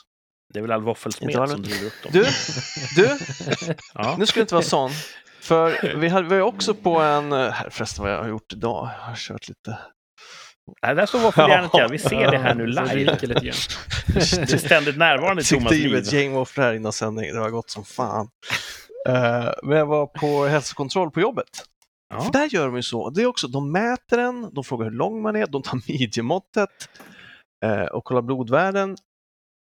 Och hon sa, allt ser bra ut, du kan äta en pizza då och då, käka lite nötter och trycka i dig lite oliver och du har så jävla lågt av det här dåliga fettet så att då gick jag och köpte två hallongrottor och gjorde våffelsmet. Ja, du fick eh, lapp från Jag doktorn förklarar helt för enkelt. doktorn att det är okej. Ja. Okej. Jag agerar ju som att jag har en sån lapp. Ja. Jag antar att jag hade fått en sån lapp. Ja. Jag tror i och för sig, det här med att du kan äta, jag tror att de bara vill ha något att fucking säga. För jag tror, det här gör vi en gång om, år, om året och nästa år, om mitt dåliga fett har gått upp lite men fortfarande ligger under, eh, alltså i det goda intervallet, så tror jag att hon kommer säga, ja nu har det här gått upp lite. Och då kommer jag säga, fast du sa ju förra året att jag skulle käka mer pizza och nötter. Så det är min Jag teori, att de alltid måste eh, säga något. Det Förberett ett försvarstal. jag har redan gjort det. Vad heter de här Unicef som, som eh, väger små afrikanska barn och så säger det här är på svältgränsen, vi måste tillföra näring här. Ja. Var det en sån situation att de, de vägde dig på en liten våg för spädbarn och så kunde de se att du är undernärd. I guess. Du behöver akut inta pizza Ja, här för att fick, komma upp på så, så, basnivån så igen. var det. För de brukar inte vara sena att säga till andra att de är överviktiga, har jag hört. Så att, eh, Nej. Men hon var ganska snäll, jag tror att ganska många var glada när de gick därifrån. Mm. Ja, härligt. Men hon var Ja. lite så här, ja men du, för jag har ju skrivit noll på vardagsmotion. Och sa, Jaha. ingen vardagsmotion. Typ det första hon sa. Och då, vill jag, jag, tränar, jag tränar sex dagar i veckan. Liksom. Men jag tar inte promenader efter jobbet. Liksom, what the fuck. Så att, eh, de letar liksom går- fel. Men är det inte vardagsmotion att gå till Ja, tunnelbanan? jag sa det, jag åker kollektivt så jag går ju till tunnelbanan. Liksom. Ja. Trycker Ja. upp pulsen. Jag bara, alltså när jag tränar så kör jag ju, värmer jag upp i 10 minuter, då är puls. Och nu när jag inte kan använda armen så kör jag varannan pass i konditionspass. Mm, för det är bra att blanda. Jag bara, okej. så att då, ja, hon letar, Men- letar fel. De borde ju ha sett så här, alltså, du har en extrem muskeltonus och v- bra form, eller? Nej, de nej inte det? Nej. det. Det, det kanske bara lyckas lura mig att du är vältränad. Ja, vi, vi, det var länge sedan vi sågs också. Det är bara den här. Ja. Kan det vara så att, att din, din eh, armbåge är en överansträngd från alla gånger du tar på micken under sändningarna? Har jag gjort Kan det så idag? Att, ja, det har du gjort. Oj, förlåt. Nej, hej, hej! Det är mest en komisk detalj. Det är inte Ah. alls katastrofalt. Jag har inte tänkt på det Thomas, Ah, tack. så mycket. Vad bra. Jag, jag hamnar här ofta, men då försöker jag låta bli. Ja. Ja, det är det mycket- brukar jag så här blåsa luft på handen som sen går rakt in i micken. Ah, men det är en annan Shit, sorry. Ja. David, när man tar sig i ansiktet, ljuger man då? Du som har förhört förhärdade brottslingar. Just det. Nej, det ska jag inte säga. Eh, Det sägs ju där att man tittar upp mot den kreativa eh, delen av hjärnan eh, och sådär. Men jag, jag, nej, alltså. Det låter så det kan man jävla hittepåigt. Ja, men alltså man kan inte riktigt... ehm, eh, alltså, titta på sådana saker för det blir, eh, det spelar liksom ingen roll. Jag är inte ute Pseudovetenskapligt. Mm. Nej, men jag är inte ute efter att om du ljuger eller inte. Jag är ute efter att objektivt bevisa vad som har hänt. Eller Ja. så. Eh, Stödjer bevisningen Det som sägs. storyn eller inte. Mm. Och gör den inte det, då kommer jag ju fråga kring det. Och då kommer jag ju se om du kommer ihåg din berättelse eh, sen tidigare eller inte. Eh, så att det, det är ingenting. Sen vet inte jag, jag är, har ju inte jobbat med jätte alltså, komplicerade utredningar. Utan det är ganska alltså straightforward. Alltså du, man säger ju så att ja, hej välkommen eh, förhör och är du misstänkt så delger man misstanke och sen får du eh, dra din historia. Mm. Och jag säger inte, jag har skickat ut en försvarsadvokat vid ett tillfälle eh, för att den avbröt och det får de inte göra. Jaha. Och då är, jag äger föret så att eh, eh, sitter liksom och lägger i, jag kommer ihåg det så väl, för försvarsadvokaten liksom svarade åt en misstänkt hela tiden. Och det är så här, fast det är inte dig jag förhör. Så kan du inte vara tyst så, så, så skicka ut dig. Eh, Och det hade han aldrig varit med om tidigare. Så att, eh, Sa han. Du- nej, så Det- då, ja, Är, är det nej. som, som på tv, att vissa polismän eller kvinnor är exceptionellt duktiga på att få ur eh, brottslingarna ett erkännande? Eller är det bara... Alla följer samma rutin, så att det är hugget som stucket. Eh, Du menar på tv, eller vad sa du? Nej, men, nej, men, ja, på tv är det ju så att vissa konstaplar skickas in när man ska knäcka brottslingen och verkligen få ur ett erkännande. De är så duktiga på att förhöra. Guy Ritchie Är det så i verkligheten att, att, Alltså, att vissa eh, kollegor är duktiga på förhör och vissa är mindre duktiga på förhör? Ja, alltså så är det ju helt klart att vissa är, ju- är ju bättre på att, att leda ett förhör. Så. Eh, och det känner jag, det utvecklades man ju med tid också. Eh, men eh, om du tänker på amerikanska alltså filmer, vilket vi oftast ser, de är ju så, an, de är så annorlunda från hur våran alltså, De har ett annat rättssystem. Ja, men de har ju det på ett helt annat Mm. sätt, så jag kan inte uttala mig om det. Men, men om man tittar på de här svenska motsvarigheterna så tycker jag att de är, alltså det finns ingenting som är så cringeigt att titta på eh, som svenska eh, polisserier. Jag tycker den här, vad hette den nu då senast? Eh, Blåa... Tunna blå linjen. Ja. Den var, den var helt okej. eh, så. Men den var ju också så här, hade också lite saker som den överdrev, eh, vilket man kanske måste göra i en filmproduktion. Jag har ju ingen, har ingen kunskap om det eller erfarenhet så, för att det ska slå igenom. För att jag tror att, att följa med en polispatrull ett vanligt ar- arbetspass idag är ju inte så roligt. Det händer, alltså det är inte så actionfyllt. Så. Men Nej. om man är rent förhörsmässigt så Alltså man håller så extremt många förhör om alltså ganska så här, irrelevanta saker ibland. Det är så här, man har liksom någon som har slängt vatten på någon på krogen. Man så här, ska jag verkligen, ska det här, ska, jag, ska, ska skattebetalarnas pengar gå till det här, ert tjafs? Ja. Ja. Vad var Ibland så- klockan när du höjde glaset? Ja, men eh, så det, och det, och ibland är det också så här, för det är också så här, ja, det kommer in motanmälningar hela tiden. Alltså om någon anmäler någon, så ah, då vill jag göra en motanmälan. Så här, varför då? Ja, men Mm. jag vill det. Det kan man inte neka till heller, utan då blir det så här, motanmälan, anmälan, motanmälan, så utreder man dem, så lägger man ner dem oftast två. För att det är liksom så här, och ibland kan det vara så att man ringer upp någon och säger, hej, ja, du, som målsägande då, så, ja, men den anmälan som du gjorde är Stureplan eh, 03.15. Jaha, blev det en anmälan? Ja, du ville ju det. Och så mm. Men, oj, nu slog jag, slog jag till micken, det var inte meningen. Ja, men, det eh, smittar. men däremot så är det ju så att eh, om man tittar på de här seriösa utredningar som barnutredningar, där är det ju verkligen eh, Mm. riktigt duktiga utredare. För att, att förhöra barn är en konstart. Alltså, Mm. I och med att dels att, att få barn att, att självmant berätta saker och ting. Eh, och det de... Alltså barn, jag, jag, om man går till mina barn så är det så här att ibland vill de ju vara vuxna till lags, eller ganska Mm. ofta. Och Mm. säger jag någonting så kommer de säga ja. Och det är så här, man får absolut inte lägga saker och ting i, i mun som så här, ja nej fråga. Alltså det finns väl också, men det är, det är en helt annan sak att eh, hur man förhör barn och så vidare. Men det är ju likadant om du förhör någon om så här, vad såg du, vad som hände, hade personen en mössa på sig? Mm. Eh, fel, så får du inte säga, för jaha, hade han mössa? Mm. Ja, det hade han nog, så här, okej. Ja, just det. Så att eh, det är väldigt mycket man får tänka på vad man, alltså hur man formulerar sina frågor. De ska vara så öppna som möjligt. Har du någon gång lett ett förhör med en misstänkt och haft ett sånt ögonblick när den personen bara går, kanske i en allmän fälla, bara försäger sig så att du har svart på vitt? Mm. Har du någonsin varit med om en sån, ett sånt Ja. klavertramp? Ja, det var ganska intressant. Ehm, Den personen anmälde mig sen till JO. Eh, Oj. inte för förhöret i sig, men jag efterlyste honom. Eh, det är så att om man... Jag hade många förhör kring det här. Det var en stöld på ett ställe eh, och eh, han jobbade på eh, ett vaktbolag. Ja. Så, och vi hade ju inga vittnen eller någonting, men vi hade loggarna på kortet. Mm. Den här stjärnan hade ju då bytt namn på kortet. Och det är så här, vem kan göra det? Ja, det kan jag göra. Okej. Och då såg man så här, inpasseringsbiten i vaktkuren där, där den här datorn stod.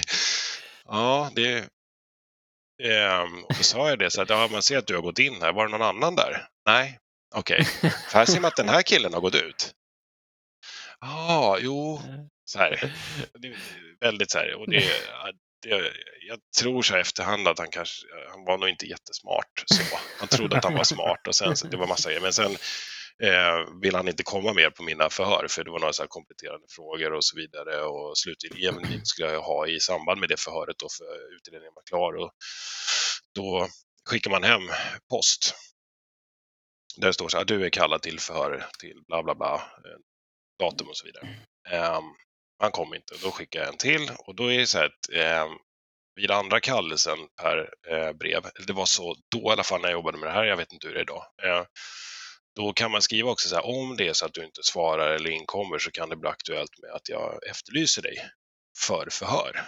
Eh, för att, ja, i, andra fall om man försöker ta sig ur landet eller någonting så kommer det Mm. plinga till i passet och så vidare, eller passkontrollen och då blir man ju inplockad.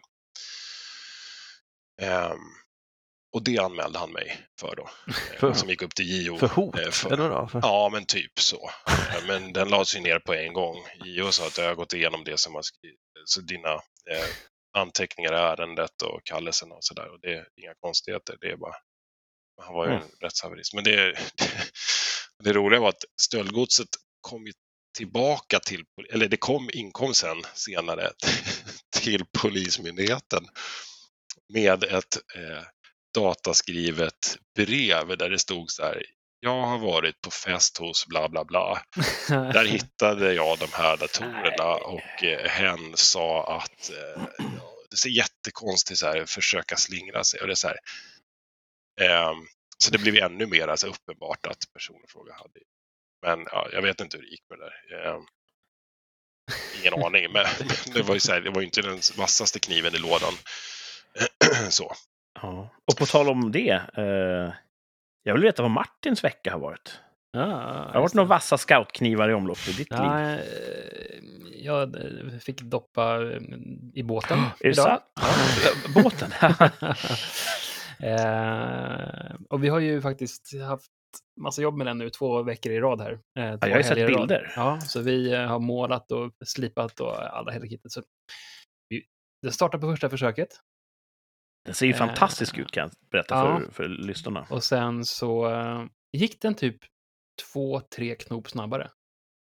Bara av bottenfärgen. Ja. Ja. Så att, eh, jag gjorde en service förra året och den var ju, mm, gick ju också några knop snabbare efter den. Och ställde in tändningen och sådär. Och nu gick den några knop snabbare på grund av att färgen var så jäkla skrovlig innan. Så att det tog... ja, det är väl hydrodynamik helt Ja, enkelt. så att... nej, men sen så gick bilen innan besiktningen. Det är också alltid kul. Oh. Mm. Ja. Så det blir framöver här ska jag fixa lite med den. Jag har lite grejer. Jag har köpt lite grejer som jag ska sätta in i bilen som var alldeles för dyrt att göra på verkstad tyckte jag. För den där Ja, för bilbesiktningen mäter ju inte om dörrarna, om högerdörren låser upp när vänsterdörren låser. Det är Nej, som de det är en slår ny ner feature på. som jag har på min bil. Mm. och att min vänsterdörr är så här självstängande. Man öppnar den så slår den igen av sig själv. så det har jag också köpt en grej som jag ska fixa. Så att, eh, det hade varit eh, ganska skönt att det här är avklarat med båtandet. Då. Mm. Ja, så att det är inga större, förutom det här med krig och eh, Sveriges eh, riktning och här. Så annars är det inget, inget värre än så. Nej, det är väl en bra vecka. Ja. Min toppveckan som gick var att jag köpte nya shorts. Hur många fickor har de? Eh, Alla fickor. Alla fickor? Ja. Jag är ju... eh, Jag är inte så driven i, i rent modemässiga. Jag har på mig praktiska plagg. Eh, Och cargo shorts, det är ju så praktiskt. Mm. Det är svalt för benen och man kan bära med sig massa saker. Mhm. Sen tror jag att många skulle anmärka på att det inte är så snyggt. Men, mina gamla cargo shorts, det var liksom hål i grenen. Classic. Ja, Ja. Så att då lyckades jag beställa ett nytt par, Ja, likadana. bra. Så att jag, jag håller min modefana, inte högt, men där den är. Är det din topp? Det är min topp, nya Mm. shorts. Jag har inget i botten heller, jag lever ett välsignat liv. Mm. Ehm, botten är att vår tid inte är oändlig. Ja. Jag känner att nu vill jag gå in i, i, i en poängjakt här. Hur skulle det kännas för, för er tre? Ja, Absolut. toppen. Ja, David, du får ju nu prova att... Du har ju Ja, lyssnat på herregud. våra podd ett tag, väl? Mm. Och lätt att sitta hemma och, eh, och vara klok och, och tala fempoängare. Nu sitter du så här i direktsändning. Mm, det blir spännande. Eh, och jag är ju inte så bra på de här, ska jag ju säga. Har det inte gått bra historiskt sett? Nej, eh, inte på just den här. Eh, så Nej. två av tre, eller den heter, har det oftast gått bättre på. Ah, intressant. Det kommer en sån också lite senare.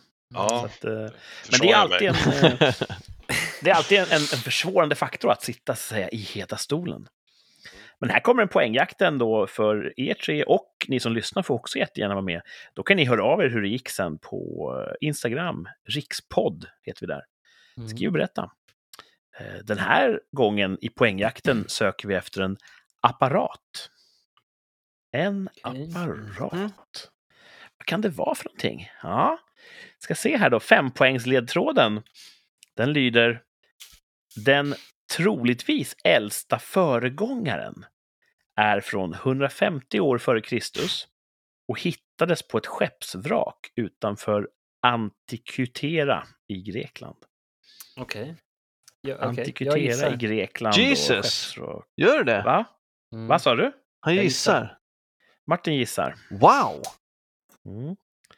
Men, men jag, jag, jag lyssnade på några eh, avsnitt här för ett tag sedan. Du visade ju på varje nivå, Kurt. Mm. Ja, Det får man Nej, inte det, göra, Det är alltså. regelvidrigt. Ja, det... Vad säger lagen? Vad säger moralen? Okej, okej. Ja. Kurt saknar Ja, mig. jag hänger kvar. Ja, Martin har alltså klivit av på fem poäng. Ja. Wow! Mm. Och han är, han är inte alls särskilt uh, orolig. Nej, den det här var jag rätt säker på. Han har hållit på med Ja, båt hela veckan här. Så att... Ja, hans båt är inget vrak. Men, Apparat. Apparat. ja, det, det är häftigt. Alltså. Vad kännetecknar en apparat egentligen? Ja. eh, Av människan byggd för att åstadkomma någonting. Så en, en, ett, ett mekanisk apparat alltså? Av människan byggd för att, för att utföra ett arbete kan man säga. Det är en apparat. Mm. Så- Du får så- mer så- eh, kött på benen i, i Ja, fyra men jag vill bara, poängsledtråden jag vill om ha, det klart. Så, så en hammare är en apparat? Ja, det måste väl ha någon sorts eh, komplex, i- ett komplext eget inre händelseförlopp, Okej. antar jag. okej. Mm. Du kan ju vispa ägg med en visp, och så finns det ju en elvisp. Ja, jag Elvispen trodde, är jag en apparat, men en visp är ju inte en trodde apparat. alla apparater var elapparater. Nu har jag röjt att, att visp inte är svaret. Ja. Varför, varför hamnar vi i de här diskussionerna? Nej, för Det finns fem ledtrådar. Kan inte det räcka? Ja, det, det låter mer som ett verktyg kanske. Jag bara säger att vet, Nu lurar du in mig här på, på farlig terräng. apparatur, apparat. Är du, är du förhörsledare? uh, Okej, jag- Skulle du säga att, eh, att Thomas är bra ifrån så här som förhörsledare, då, David? Han, han får mig att, att försäga mig. Ja, men jag tycker det är inte dåligt. Nej. Eh, jag vill föra tillbaka förhöret på, på spåret och här kommer fyra poängsledtråden i poängjakten En apparat.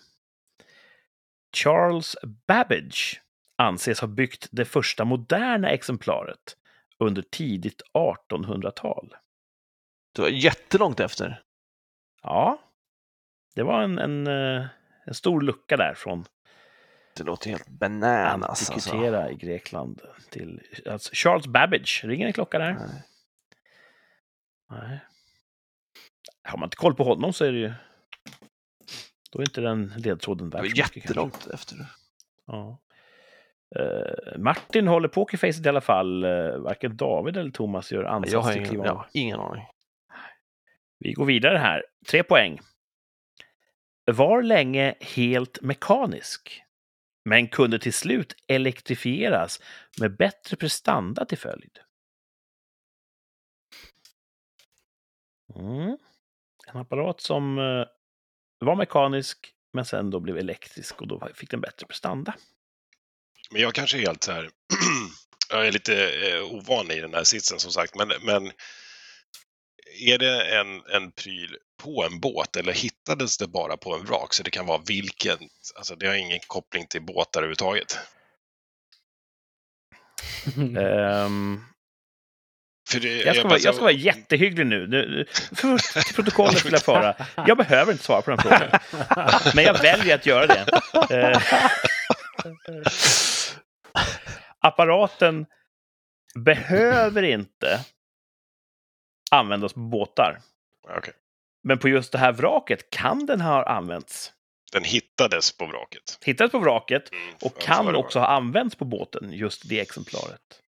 Men apparaten i stort behöver inte ha en koppling till, till sjölivet.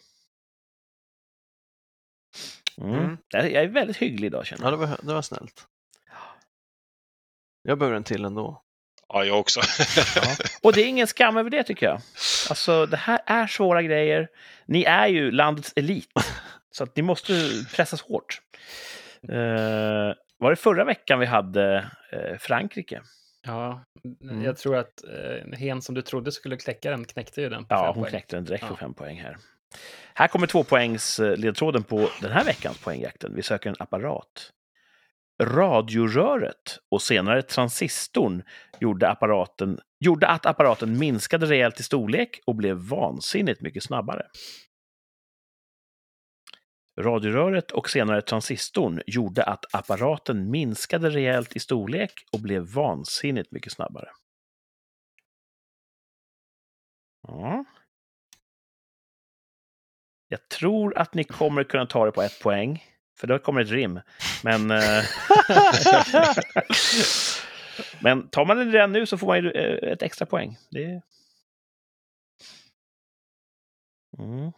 Nej, jag... Äldsta föregångaren då från 150 år det är- före Kristus. Charles Babbage byggde den första moderna eh, under tidigt 1800-tal. Var länge mekanisk men kunde elektrifieras med bättre prestanda till följd. Radiorör och transistorer gjorde att apparaten minskade i storlek och blev vansinnigt mycket snabbare.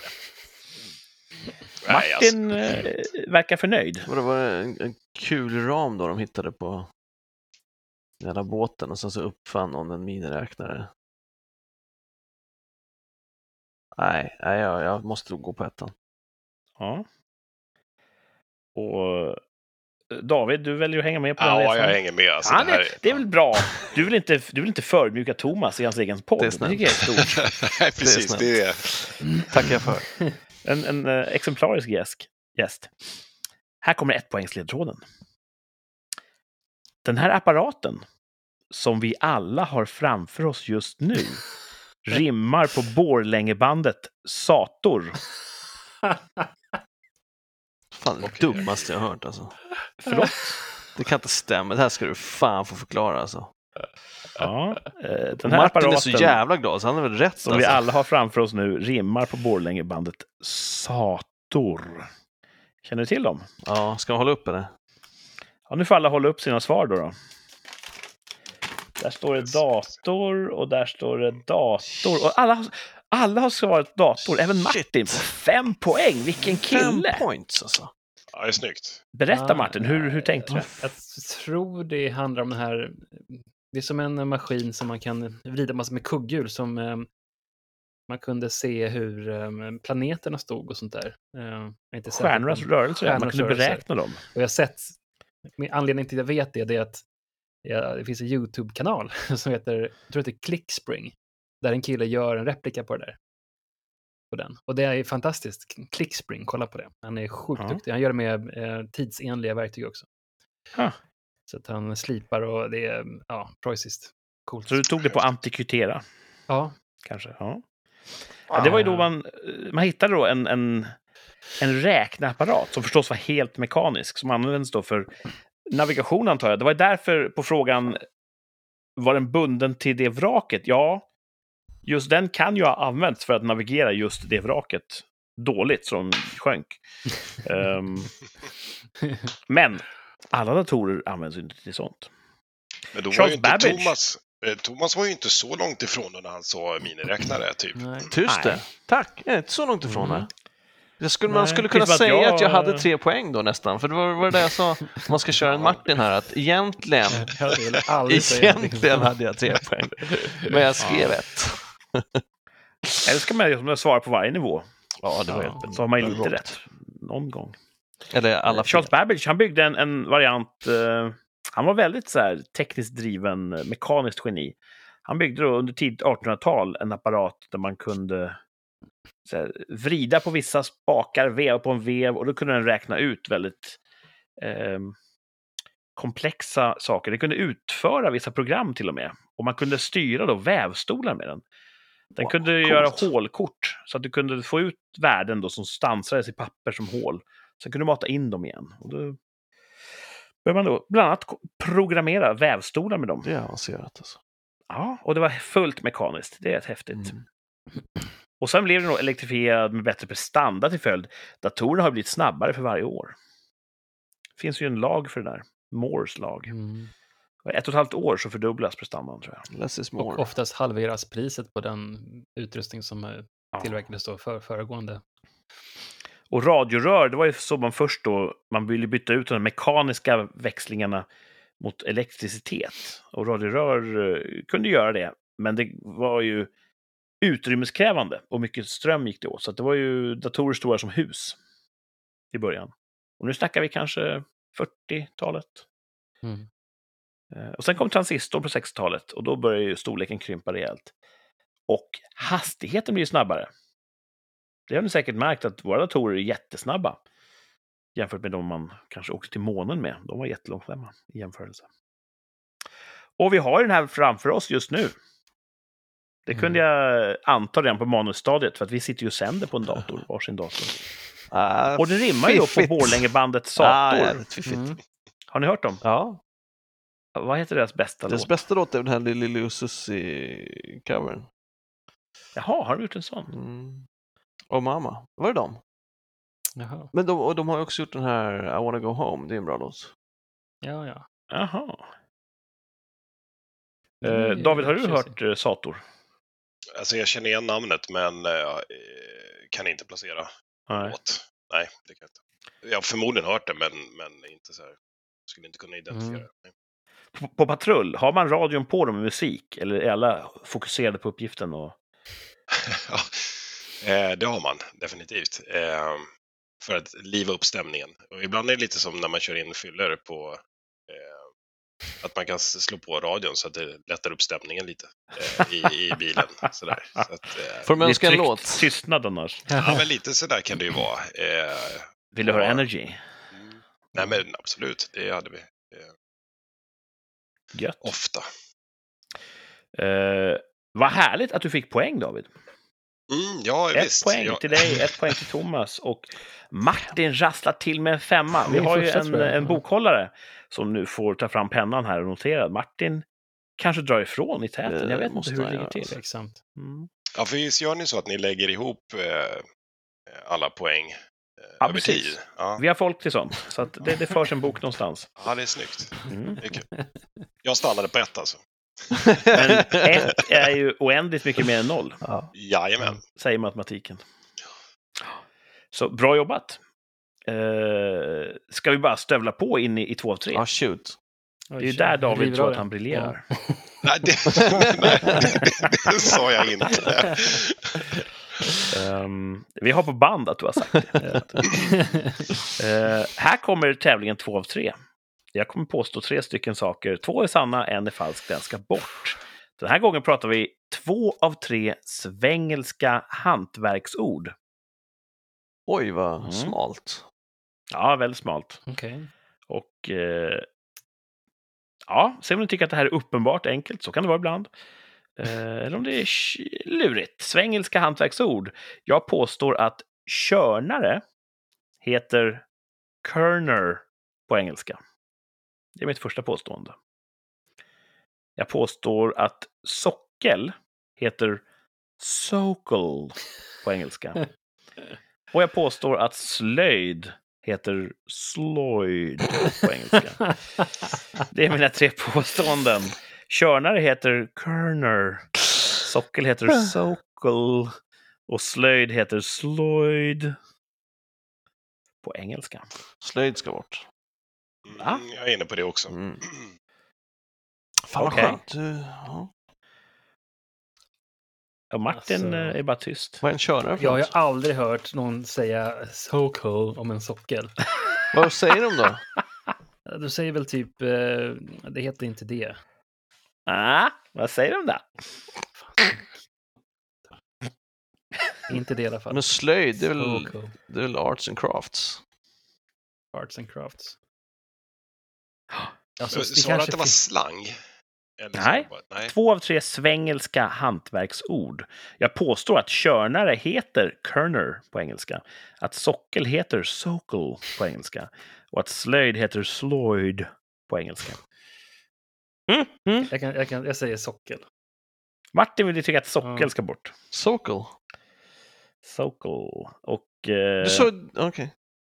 ja, Nej, nej. nej, Martin sa, du har aldrig hört dem säga Sokol. Men vad har du hört dem säga istället då? Jag kommer inte på det just nu. Jag Nej. vet vad jag säger. Men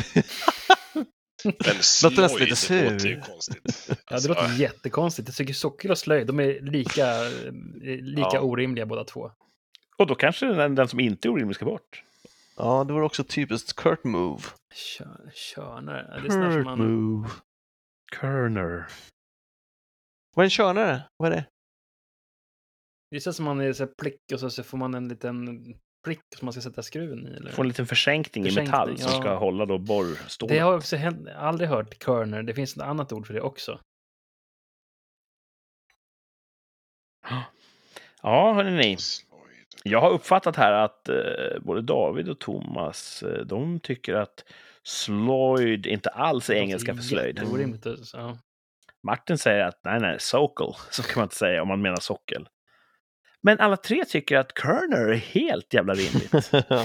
för körnare. Ja. Nu när ni är tre, när vi har gäst i studion, så kan ju ni helgardera för att sänka mig som det slagskepp jag är. Kurt ska sänka oss istället. Så, men ni, ja, ni har ju full handlingsfrihet här att välja. Är det någon som vill flytta sin position? Ja, just av den anledningen så skulle man ju kunna flytta eh, så för att ehm, Men hur skulle det kännas då ifall det är Sloyd som ska bort? Ja, alltså det är ju det jag tror på. Ja. Men jag flyttar ju för att sänka Kurt. Så att Ja, jag kan ju ta sant. en för laget i sådana fall. Så att det har jag inga problem. Okej. Och det är exakt den här David vi älskar i tv-spelsvärlden Ja. som bara agerar efter uh, måluppfyllnaden. Ja, men det, jag tror, ja, men jag gör det. All right. Jag, jag, Ja, mm, David flyttar till Ja. Körnare helt enkelt. Ja. ja. Du tycker att Inte kör- för att jag tror på Ja, men det, då utan för jag att att jag du vet får- att någon har rätt. Ja, du har någon rätt. Jag hoppas du vinner på det. Du, det. är- För det är så Men ni andra två, ni står kvar. Ja, för fan. någonting annat? Då kan, ju inte vi byta, det är ju bananas.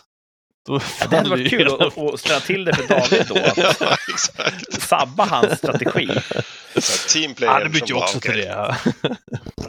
Ja. Men, jag vet inte. Hur kom du på den här till två av tre, Kurt? Jag är alltid lika förundrad. Eh, återigen, de här frågorna som försöker fiska ur mig information är ju... Mm, mm. Vi Ja, kan ta det sen då. ja, vi tar det efteråt tycker Mm. jag, när vi har haft uh, vårt lilla facit. Mm. Mm. Ska vi ta det? Ja. Jag låser. Ja. Socker.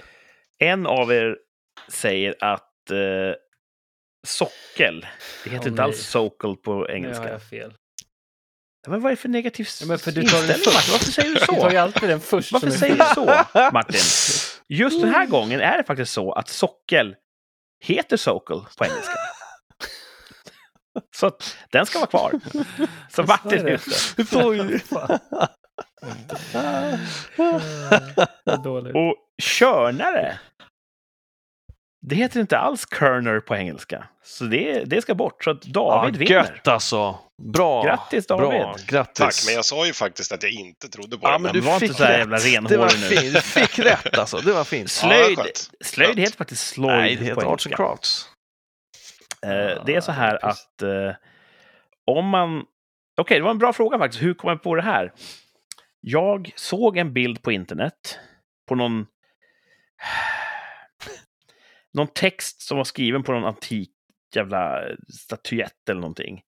Och då stod det på engelska att eh, on the socle så står den här texten skriven. Jag bara va?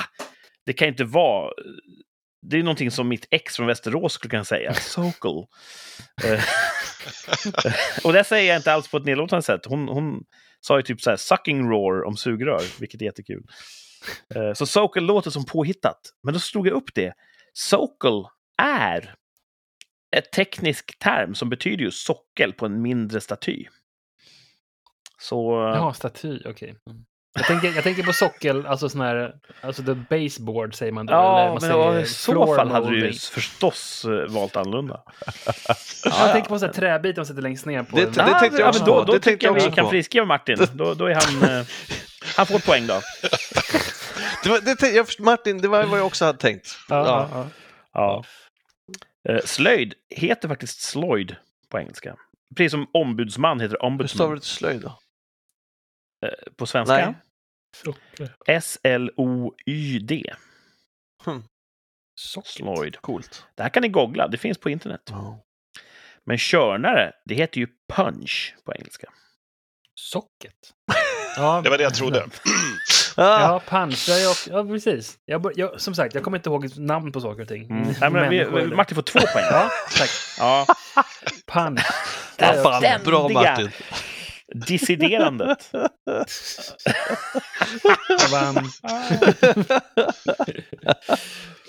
Ja, nej, bra jobbat. Eh, bra. David fick med sig poäng både i poängjakten och i två av tre. Ja, snyggt. Det blev i Ja. sanning hans paradgren. Eh, vet du vad som är lite kul?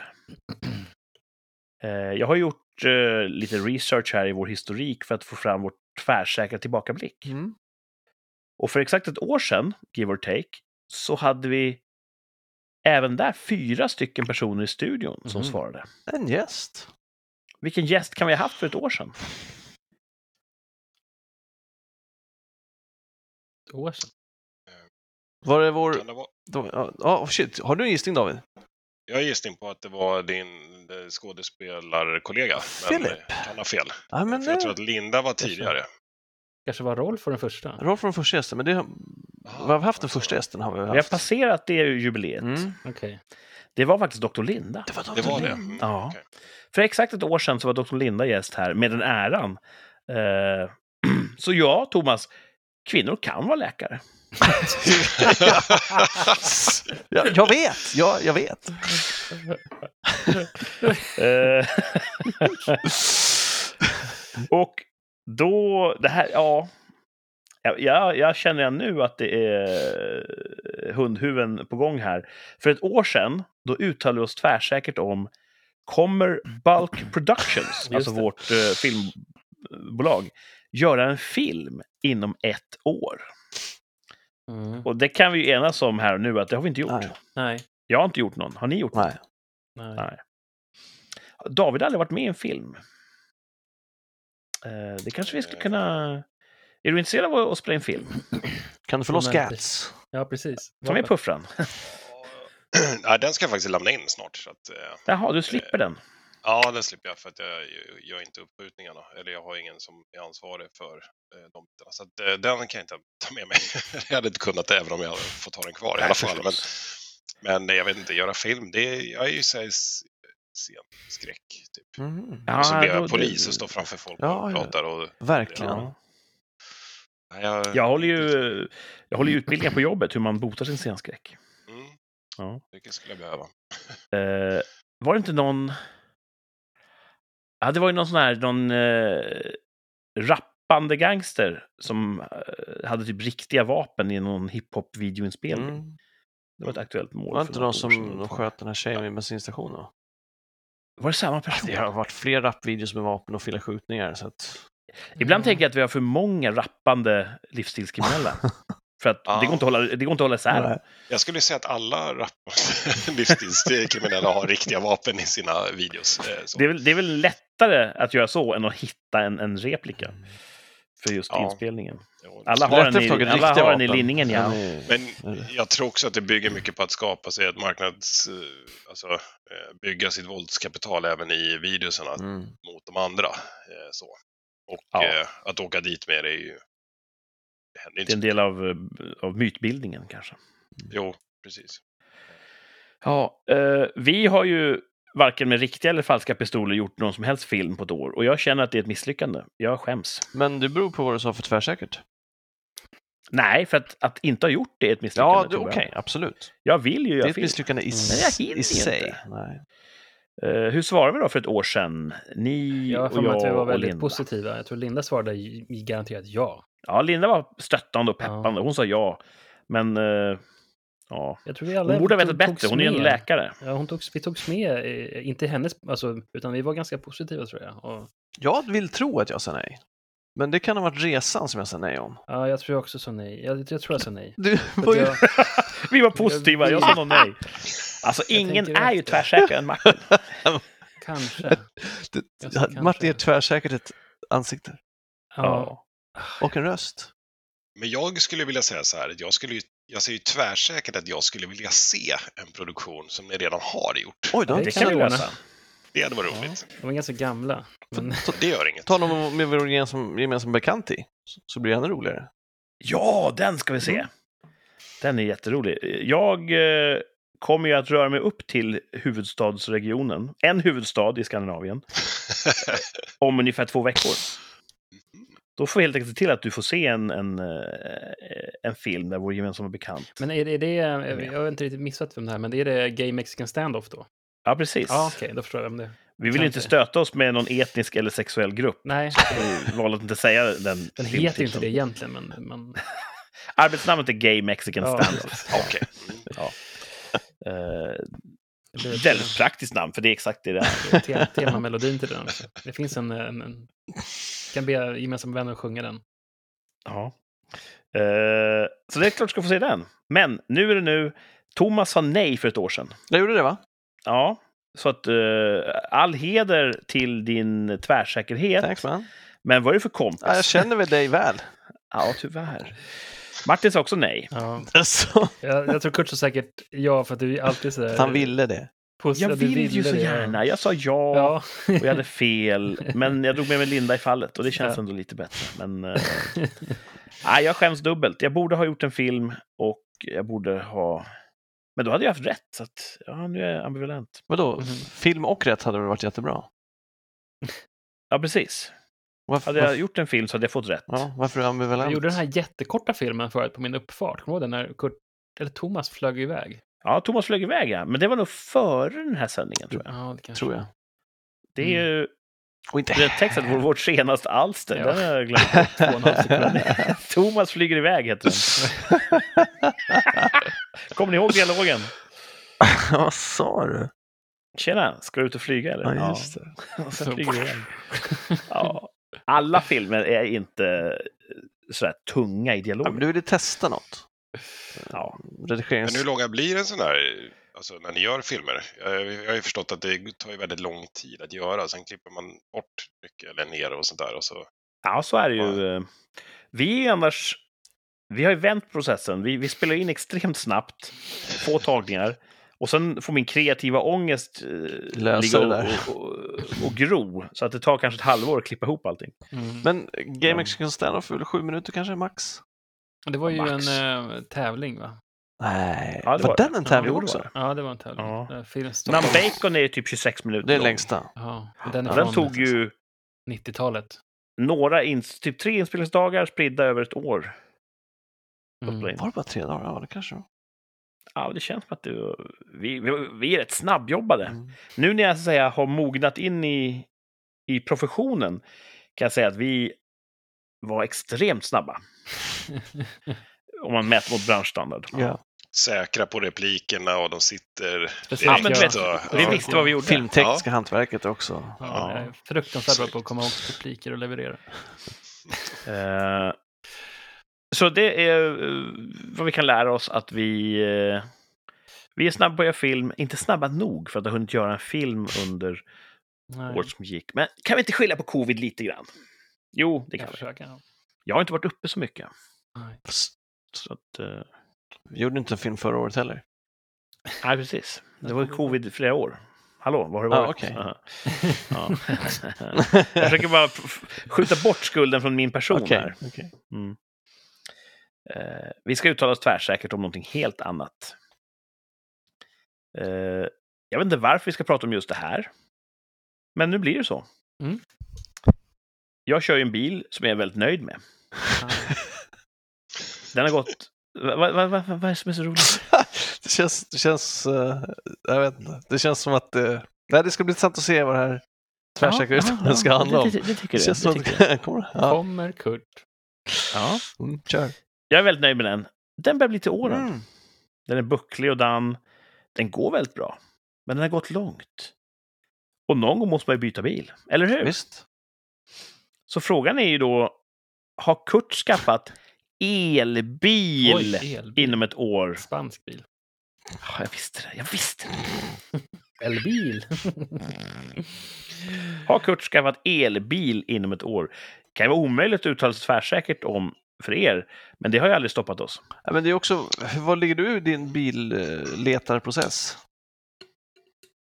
Jag kollar runt lite. På, kollar du på elbilar? Vi kan ju börja där. Är du intresserad Ja. av en elbil? Det påverkar ju. Ja. Det, det kan jag vara ärlig med att jag vill ju gärna ta steget till en elbil. För miljöns skull.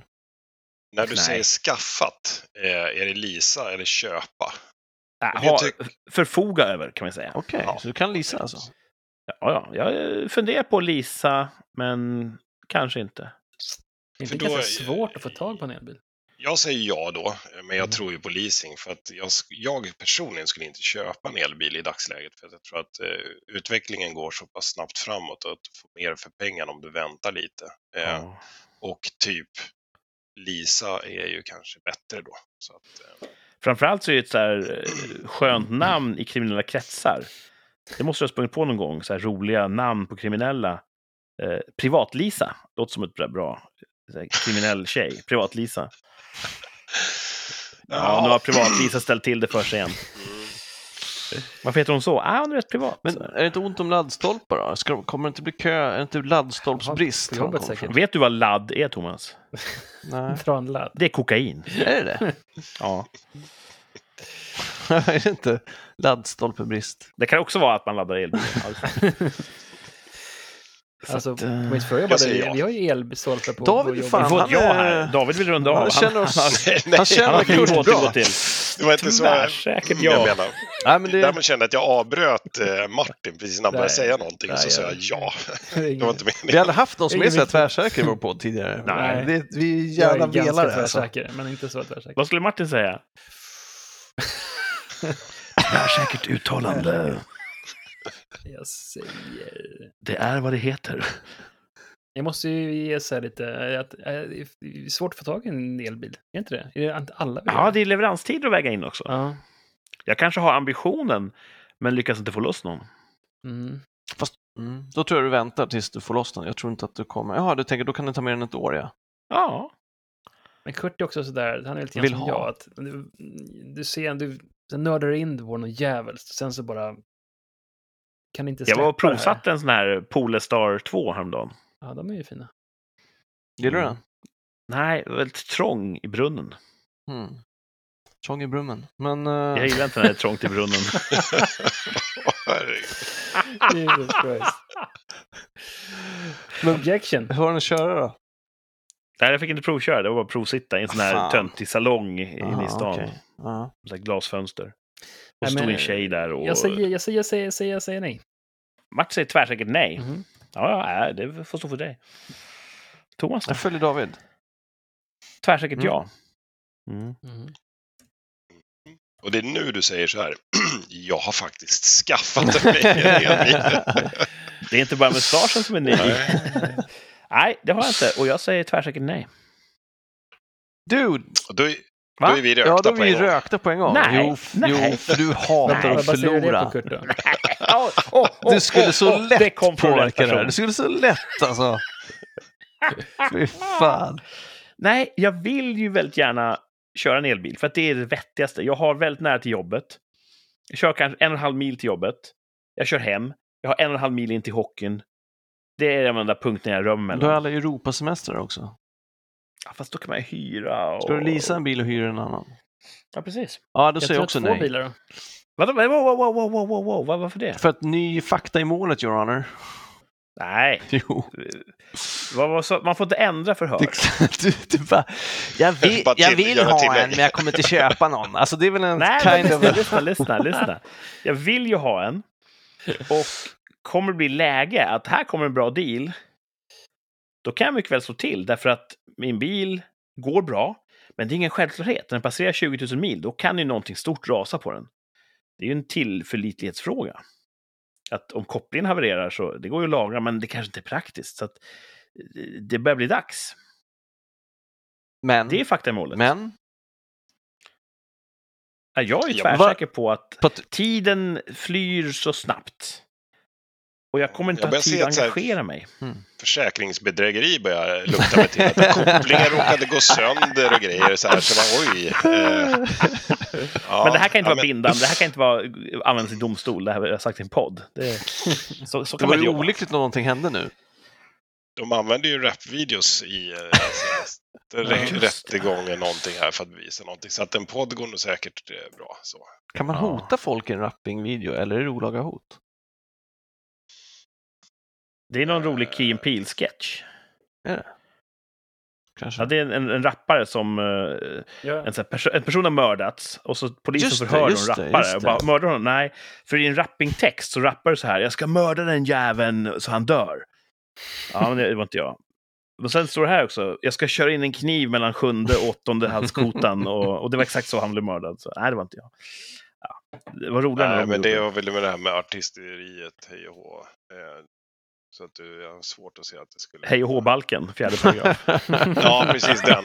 Den är ju stökig. Nej, men det, det är mycket man kan, i, i Sverige i alla fall, eh, sjunga om eh, utan att det ska eh, Mm. bli brottsligt. Det var, finns ju många knasiga låtar eh, så, Mm. Ja, det ska gudarna veta. som är direkt osmakliga också. Men, så att det är svårt. Men däremot, det var något annat de de hade ju med någon låt i, någon rättegång här ganska nyligen. Jag tror att det hade med Einar att göra.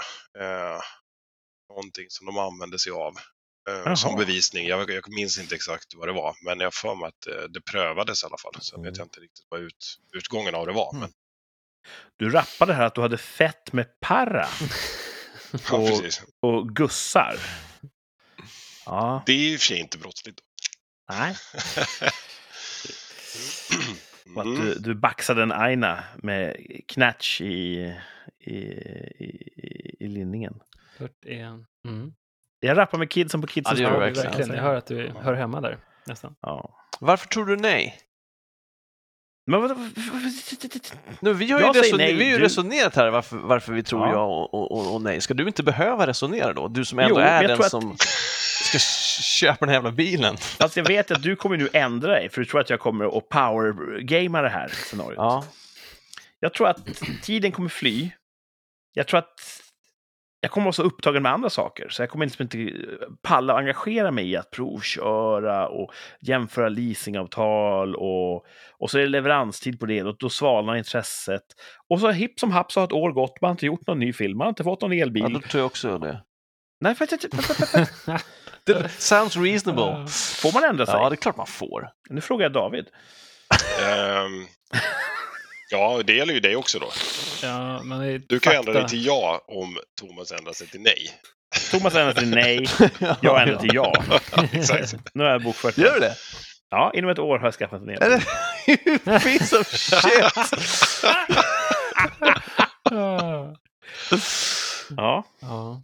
Thomas nej, Martin nej, Kurt och David säger ja. Vi tror på miljön, vi tror på en framtid. Så himla dumt. Eh, vi har bara ett jordklot.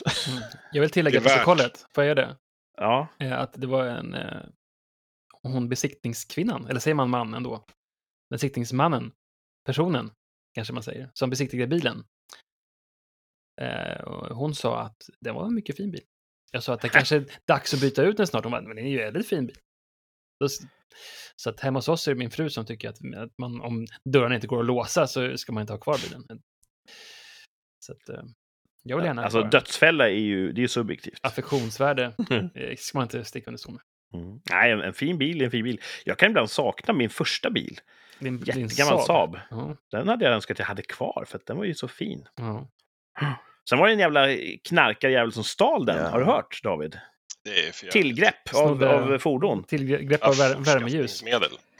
Och sen så hittade jag den på en eh, grusplan där vid Norrtull, precis vid infarten, eh, när jag körde buss.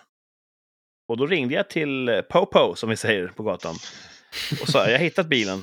Och då sa han, du får inte röra den, vi måste komma dit och så här, skriva av det hela.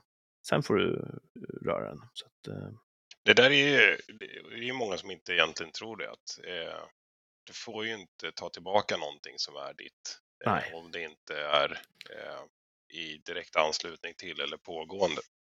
bar eller färsk gärning. ja, precis. För då gör du själv skyldig till ett brott. Ja, precis, för det, någon annan knarkare kan ha köpt den i god tro och parkerat den där och så blir han ledsen. När jag Mm. Nu har man väl lagt till de här bitarna att det finns ju inte god tro. Ja, just det. Utan du ska ju liksom eh, kunna undersöka om det är tre steg tillbaka eller om det är, ja vad nu. Man får inte lita folk längre för att visa att det funkar inte.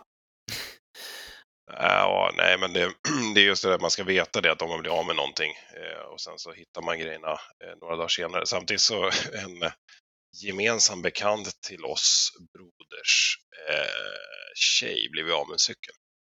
Eh, och hon ringde ju polisen och sa att här står min cykel för att hon hade speciella klistermärken på. Och kunde ju liksom identifiera den på flera saker då. Eh, och den var fastkedjad vid tunnelbanestation. Och då ringde jag och fr- och frågade, så här, vi vet att det här är våra. Så att, och de sa, klipp upp det, sno tillbaka den då, ungefär. Oj! Det är där är Vilket idag. man egentligen inte får. Ja, men det är så här, och, och det, han berättade då, för det var han som fick gå och göra det. Ehm, Det är också snyggt att ingen stå reagerade. där. Nej, precis. nej, okej. men ingen reagerar. Han står med en bultsax och så här, ja, knipsar en, en kedja Ja. och bara tar en ord därifrån. Ingen reagerar, Nej, men vad ingenting. ska man ha gjort alltså? Ja, nej, det är ju Vill du inte ha en så. kniv i kistan? Ja, eh, man precis, började ta kniv i kistan. Vi hade en granne som blev av med massor med eh, vinterhjul, tror jag, som stod... eh, Och sen så hittade de killarna som hade snott det med... Till deras släp och så hittade så var hjulen där inuti. Så, så ringde polisen och så kom dit. Sa nej, men jag har bara hittat de här på diket. Och då fick han eh, inte tillbaka sina däck, utan det, de fick behålla dem. De kunde inte Det bevisa är att för det... sig märkligt. Ja, Men det är kanske för att ett vinterdäck är en, en kommoditet. Att det var just de där fälgarna är svårt att styrka. Ja, det var väl just det. Så kanske, alltså att, jag vet inte om man ska måste ha ett foto på dem eller om man måste ha... Ja, jag har slags- Michelin-däck. Det här är Michelin-däck, alltså de mina. Ja, Det kanske inte håller rent juridiskt. Ja, Man kan ju göra några utredningsåtgärder i sig, men det är klart det är svårt att göra. Alltså, hur ska man bevisa det om man inte har någonting som kan bevisa att det här, just de här däcken är. ja. Men ha- har man dyrare saker idag så skulle jag nog... eh, Det går ju så här bio... ja sån här. DNA Mm. Ja, just det. Lagen måste ge utrymme till att skyldiga kommer undan för att inte eh, riskera att oskyldiga döms. Så är det. ju. Fina, fina ord. Men vi dömer ju knappt några i Sverige så det- vi ligger ju bra till där. Burn! Morgan Johansson. Mm. Nej, men det, Sverige ligger ju högt upp på den här listan för så här, huruvida ett land är korrupt, korrumperat eller inte, alltså statsapparater och sånt där. Jag kommer inte ihåg vilket land det är som ligger ganska högt upp, men där är, det är ju en av de bitarna som räknas in. Det är ju Mm. många oskyldigt dömda som sitter i svenska fängelser och sånt. Mm. Eh, Högt är bra, eller högt är dåligt? Ja, högt är bra. Det är ju att, är att, du inte har ett korrupt samhälle liksom. Ja. Med mutor och så Vi kommer ju undan genom att inte döma någon då helt enkelt. Alltså vi har ju en, en bevisvärdering eh, som är ganska, ganska tuff.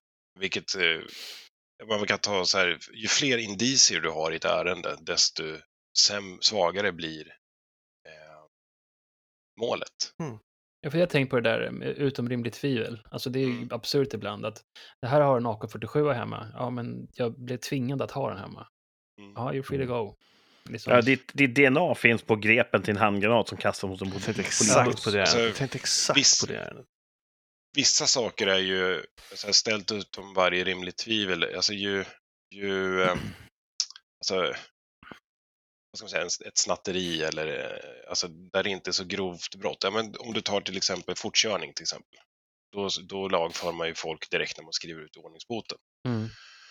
Eh, och det kan man göra mot någons nekande. Eller inte mot någons nekande, för då kan det gå till rättegång, men, men då, där accepterar ju folk det. Och då är det så här, eh, många grejer att eh, ju eh, mindre allvarligt ett brott är, desto lä- längre ner kan man komma i den trappan där det är ställt utom varje tvivel. Ah. Eh, men normalt sett så ska det ju vara väldigt högt ställt, eh, alltså bevisningen för någonting. Eh, och det gör det ju stökigt såklart. Det, det sjuka kan jag ju tycka i de här när folk skyller på varann. Mm. Eh, Ja, just det. grejerna. Det har väl blivit lite bättre, men eh, Lindome-fallet. Mm. jo, eh, det finns många sådana.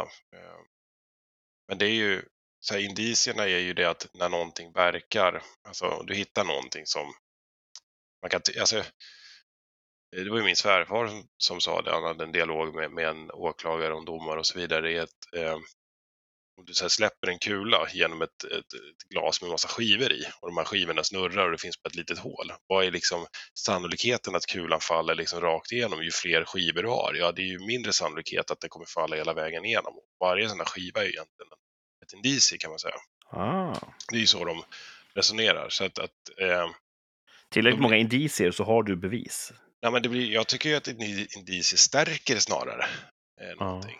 Eh, för att om jag har tio stycken saker som pekar på dig, än om jag har en sak som Mm. pekar på dig. Men Ja. det blir liksom omvänt i en För du rättsprocess. ska bevisa varje. Du måste du bevisa varje, exakt. Mhm. Och hur stark är då det här indiciet i, i bevisningshänseendet? Mm. Ja, det här är kanske ganska svagt. Då är, det så, ja, då, då är det mycket som talar för att det inte är du, i och med att det här talar ju till den misstänktes fördel.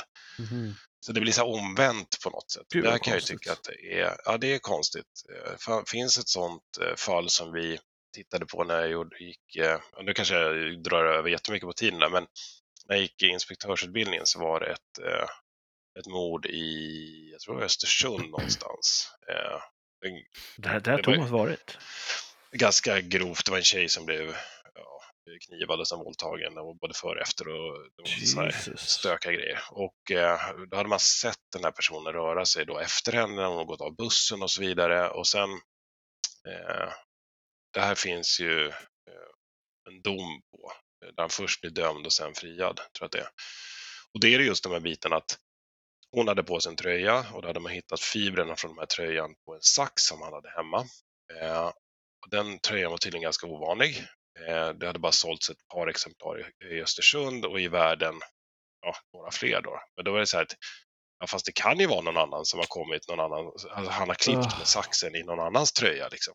Det är så här, de här resonemangen då, han, han hade, hon hade hittats eh, eh, bunden med händerna bakom ryggen och även fötterna med en silvertejp på ett visst sätt. Och då hittar man då en docka hemma hos honom, den här killen, eh, som är bunden på precis samma sätt. Ja, men, Man hittar en eh, del av en tejp, alltså så här silvertejpsrulle, som då matchar mot den silvertejpen som då är avriven där.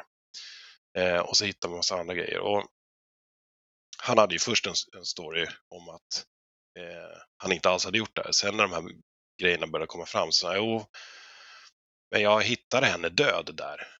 Eh, så jag tror att han dömdes för grav, vad heter det? Mot griftesfriden. Griftesfriden, ja.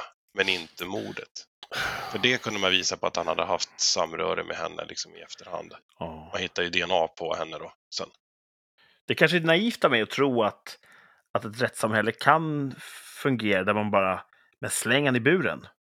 Men det är det jag känner, släng i buren. Det är det vi sam... Han, han gjorde det. Fan, Jo, släng han i buren.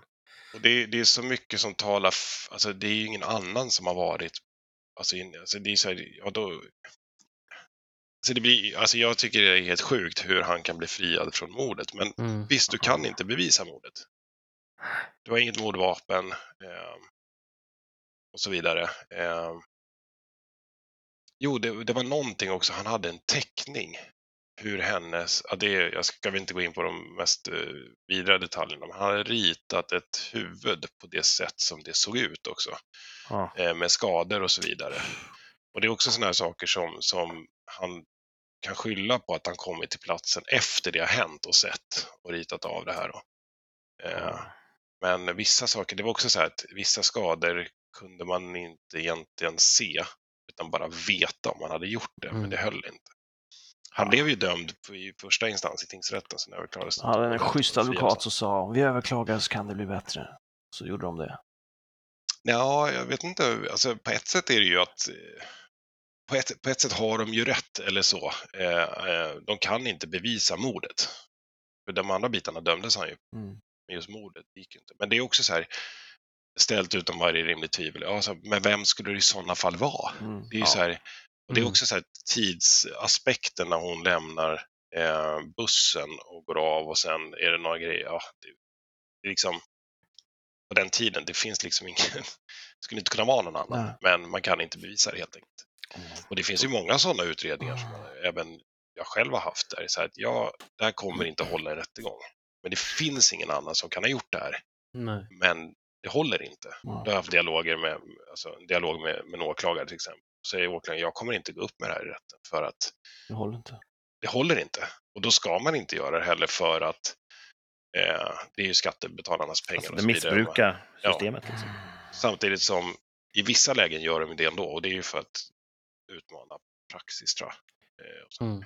Jag blir ju jättemotstulen av att, eh, att folk kommer undan och framför allt av att höra om eh, stackars människa som råkat illa ut. Jättetråkigt, men true crime-poddar är ju jättestort. Mm. Så jag tror att det ändå är bra för oss. Nu har vi lite true crime i, i rikssamtal. Kan nog locka in en och annan. Det är Ja. en stor fascination kring sånt där. Ja, det är intressant att lyssna på. Framförallt, det finns några poddar kring svenska, eh, jag kommer inte ihåg vad den heter, men det finns ju någon podd som går igenom massa sådana här fall och sånt där som är ganska intressant att lyssna på. Då får man inblick i hur, hur det faktiskt funkar. Mm. Eh, Eh, vi ska strax runda av, men får jag gå till en rättsförhandling och bara kolla på? Som, alltså, Ja, om det inte är bakom lyckta dörrar eh, och om det finns plats eh, så är det, eh, är det bara att gå dit. Har jag är så för mig- nyfiken på, jag vill veta hur, hur, hur går det till? Men så tänker jag också att, är det lite weird? Sitter någon gangster där och ser han mig i publiken med tvättad hals? Och bara, "Ja, vad, Tvättad hals. vad har han för business här? Nej, alltså, men det är ju en del, alltså, när det är journalister och sånt som bevakar rättegångar. Det får man ju på. Det är ju... Jag är nyfiken på hur processen går till, men jag tänker att det kan missförstås så att jag är lite pervers. Vi fick ju gå studiebesök i skolan. I gymnasiet Mm. så gick vi och lyssnade på två Mm. rättegångar. Det fick inte jag. Nej, men jag gick samhälle. Fick du det, Martin? Nej. Nej.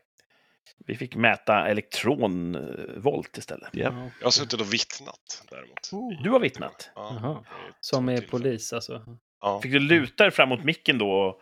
eh, nej. Som man gör på tv? Nej, det var ju ganska, det var bra ljudupptagning, men däremot så, det ena, ena grejen var ju helt, jag ifrågasatte egentligen varför är jag här. Det tyckte ju inte domaren var så imponerande av mig. Sabba inte det här nu. Så. nej, men, nej, men det var, jag skulle vittna på en, en övervakningsfilm där jag hade skrivit ett PM kring hur den här personen har identifierats. Ja, Och då är det så här, titta på filmen. Ja, exakt. Och det är ju så att en, en förhandling, den ska ju gå i, alltså live. Det är det som sägs där, det är det som spelar roll. Eh, och är det då en film så är det så att det spelar ju ingen roll vad jag tycker, att om det här är den personen eller inte, utan det är ju vad rätten tycker. Ja. Eh, och jag sa ju det, så jag, för då hänvisade jag till förhöret och då sa jag, ja, alltså, misstänkt säger ju, eller jag ställde frågan så här, är det du på film? Så här, jag tycker att det liknar det, för vi hade identifierat honom. Det, det var ju han på filmen, det var inget snack Ja. om saken. Eh, och han bara, nej, alltså, han är ju väldigt lik mig, men det är inte jag. Tyckte han att han var smart. Jag bara, ja, har du någon tvillingbrorsa? Så här. Han bara, nej. Har du någon bror överhuvudtaget? Eller finns det någon så här som skulle kunna likna dig? Så han bara, nej, det är inte vad jag vet. Så här. Då tog jag upp det i, i, rättegången då. Sa jag det, ja fast han sa ju så här i förhöret. Och då bara, app, app, app, det där får du inte säga, eh, det är inte relevant. Jag bara, fast det är ju relevant, lika relevant som att jag sitter här och säger vad ni tycker jag ser. Vad ser ni själva? Och Oj. här, Dålig stämning. Jag blev lite irriterad, men då, då sa han att jag fick ju Så där fick man inte säga i en, i en rättssal. Men- Jag skulle bara svara på frågorna. Men man, Ja, man ja, får ju okej. spotta åklagarna i ansiktet och kalla varandra för diverse okvädesord. Har det Ja, men visat du vet, då är, sig. du mis, då är du ju misstänkt. Jag är ju bara vittne. Okej, om man misstänkt så är det Vittne Nej, lösare jag skämtar. tyglar. Jo, jag förstår. Jag förstår det. Nej, men, eh, nej, men alltså det är ju så här att det ska ju, i och med att det är muntligt så ska jag ju svara på frågorna. Jag ska ju inte göra en utläggning där. Eh, om det inte är så att jag alltså, ombedd att göra det. Eh, Kan du i efterhand förstå deras perspektiv? jag förstår inte ens varför jag blev kallad. För att, i, och med att det, I och med att bevisningen, den är ju teknisk. Det är en övervakningsfilm. Ja. Alltså, vad jag ser på den är ju... Men om jag hade haft dåliga glasögon då, så hade jag inte... Nej, jag ser ingenting på den här filmen. Nej, okej, vad bra. Då, lägger, då, då ogillas åtalet. Man bara, äh. Kan vi byta Så. ut tittaren? Nej, men förstår du? Ja. Det, är- det är så, så att, men sen är det ju andra grejer man har vittnat på. Då är det ju Vad är det för eh, straffskala på domstolstrots? eh, Jag vet inte riktigt. Men det var inget trots. Nej, nej, jag tänkte på de andra exemplen som vi tog upp, tänkte jag på mer. När de måste avbryta Det- förhandlingar för att det bråkas i rättssalen. För det verkar inte... Det har faktiskt också suttit på en sån här säkerhetsförhandling när man sitter som polis och om där det blir stökigt så går man in och hjälper till. Så, Jaha. men eh, jag vet inte om det... Alltså svenska rättsväsendet är ju så snällt. Det är fängelse i straffskalan, eller? Nej. Alltså det är det ju i de flesta. Ju- Envarsgrip, envarsgrip! Det är ju fängelse typ i alla brott. Och det är väl där man kan tycka att, ja, man, nu drar vi iväg i tiden, jag kan ju prata om sådär men, men det här med att eh, när man pratar om att sänka straffskal, alltså eh, minimimålen för att bli Ja, dömd. just det. Det är ju en, en av åtgärderna som jag verkligen tycker att man borde eh, göra. Eh, och då är, får man oftast höra motargument är ju att man ska inte slänga barn i fängelset, men det är inte det det handlar om. För att har man straffskalan, eh, eller har man fängelse i straffskalan och man kliver ner i åldrarna, idag är du under 15 så är du inte en straffmyndig, då är ju så här, då är inte det någonting polisiärt längre. Mm. Men Nej. en 15-åring idag kan ju vara grovt kriminell. Mm. Ja. Det är alldeles för sent att, att eh, koppla in polisen i det läget. Socialen har ju inte jättehöga eh, eh, tankar kring, framförallt inte med dem jag haft att göra med. För att sekretessen från socialen till polisen är ju stenhård, medan Ja, polis till socialen är väldigt mycket mera eh, eh, öppen så att säga. Så skulle man gå ner till tio år, då hade man ju kunnat lagföra eh, Alltså, du kommer inte sätta dem i fängelse i alla fall. Det beror ju på, alltså, du sätter ju inte ens 18-åringar som skjuter varandra i fängelse idag, så varför skulle du göra det med en 10-åring? Det gör man ju inte. Men du får in dem i systemet och då får du liksom en historik på det, hur länge har det här pågått? Mm. Eh, Så det är någonting jag tycker verkligen att man borde titta på, att kliva ner där. Till alla de som då motsätter sig att eh, sätta yngre människor i fängelse, då vill jag säga så här. Se det inte som ett fängelse. Se det som en väldigt, väldigt säker ungdomsgård. Ja, precis. Bra. det. Där, det, dit ska de. Ja. Mm. Och för, Nej, men det finns många sådana åtgärder man kan göra som jag tror att skulle underlätta. eller ett vilthägn. Alltså det är också för att skydda samhället. Är det ju. Där rika människor kan bedriva jakt. Västindieresor har jag hört är populärt också. Eller var Ja, på just det. 90-talet. Ja, just det. Ja, men det var exakt. ju folk av Jan Emanuel. så att, eh, Ja, var han iväg på en sån? Var inte han en sån? Nej, han arrangerade värstingresor, tror Ja, jag. det, Ja, Det det, var väl efter jag mig. Robinson som han Ja, just det. körde dem. Ja. Men, ja, Ehm, jag vet att vår, vår vän Jonas hatar när vi gör långa avsnitt. Och då har jag både nöjet och ledsamheten att säga att det här är ett rekord. Ett långt avsnitt. Det visar att det finns hur mycket som helst som är intressant med det här med lag och polisiär jag har verksamhet. massa saker som jag hade velat ta Sen upp. kan det bli så att vi får. Ja. får ta tillbaka David vid senare två. tillfälle. Ja, det Om vi inte har skrämt bort dig nu med, med, med svåra eh, poängjakter. Nej då, absolut inte. Jag, jag tycker sånt här är jättekul att, att, att prata om och framförallt tycker jag att det är så kul att, alltså det är roligt att prata, eh, inte bara när man håller med varandra, utan man får en dialog gärna med så här meningsmotståndare som tycker något Mm. annat för att det, är- det är då man utvecklas liksom i sitt tänk. Mm. Eh, så att eh, det är Mm. men Ja. jag, jag kommer gärna tillbaka och pratar mer polisiära saker. Så. Det var jättekul att ha dig här. Mm. Och bra Ja, jobbat tackar. i, i tävlingsinslagen. Eh, Vi tar och rundar av här. Eh, Vad händer i veckan framöver? Har vi något kul? Eh, Jag ska åka till Gotland Oj, Oj, med min, mina syskon och min mor. jaha, coolt. vad kul. Bara sådär. Vadå, hela veckan Spontant. eller? Eh, torsdag till söndag. Kul. För du ska väl helgen efter det också vara bortrest? Ja, eller är det, är det så kort på? Det är kanske det. Ja. Jag kommer ju upp till en huvudstadsregion Ja, men det är det. och då är Shit. du inte där. Nej, då är jag i... Jag kan inte vara med näst, nästa. Uh-oh. Om jag inte sänder från Spanien.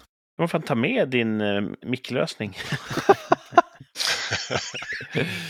Vad var det här för resväska? Ja, det är min. Eh, ja, nej, men så att jag ska åka dit med... Med det ska bli kul. Gotland är ju Gotland, fint. Är fint. Ja. Prova Mel's Diner. Okej. Just det. det Den ligger nere i hamnen. Det är fantastisk. Mm. Uff, Vi Jag äter jämt när jag är där. Ja.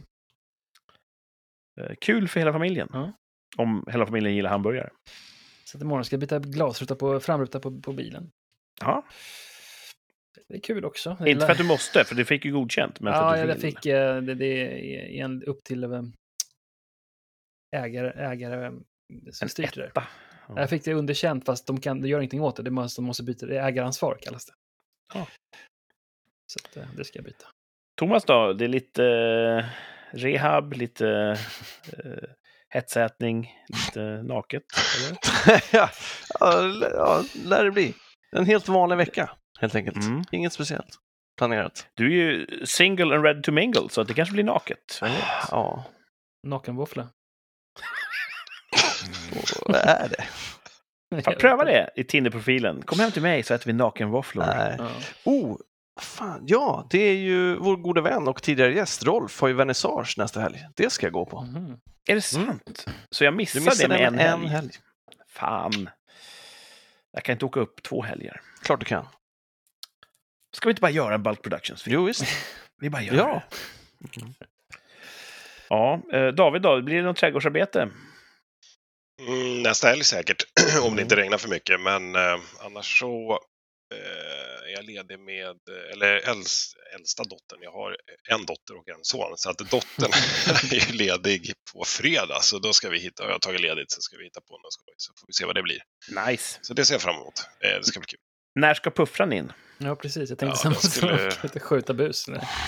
Ja, precis. Är vi, ja, den ska väl in nu i veckan tror jag. Allt Oh. är färdigt och klart och sådär. Hur känns det då? Känns det som skönt att slippa det där? Eller är det lite tråkigt? Alltså jag kan ju tycka skytte är ganska kul, eh, men det, alltså just kompetensskyttet är så extremt, eh, alltså det är så här monoton inlärning. Det är till och med så när man har eh, granskat, eh, när det har blivit polis, alltså när poliser har skjutit i vissa lägen så har man, du har ett skyttebanebeteende och då Mm. gör du precis så som du är lärd eh, med nödvärnsdrag och så när du har skjutit ett skott så kontrollerar du och sen så gör du, börjar du göra patronur fast du egentligen ska fortsätta agera mot Ja. målet. Eh, Så att eh, jag kan ju tycka att det är inte svårt att lyckas med den. Det är bara att gå ner och göra det där så blir du godkänd.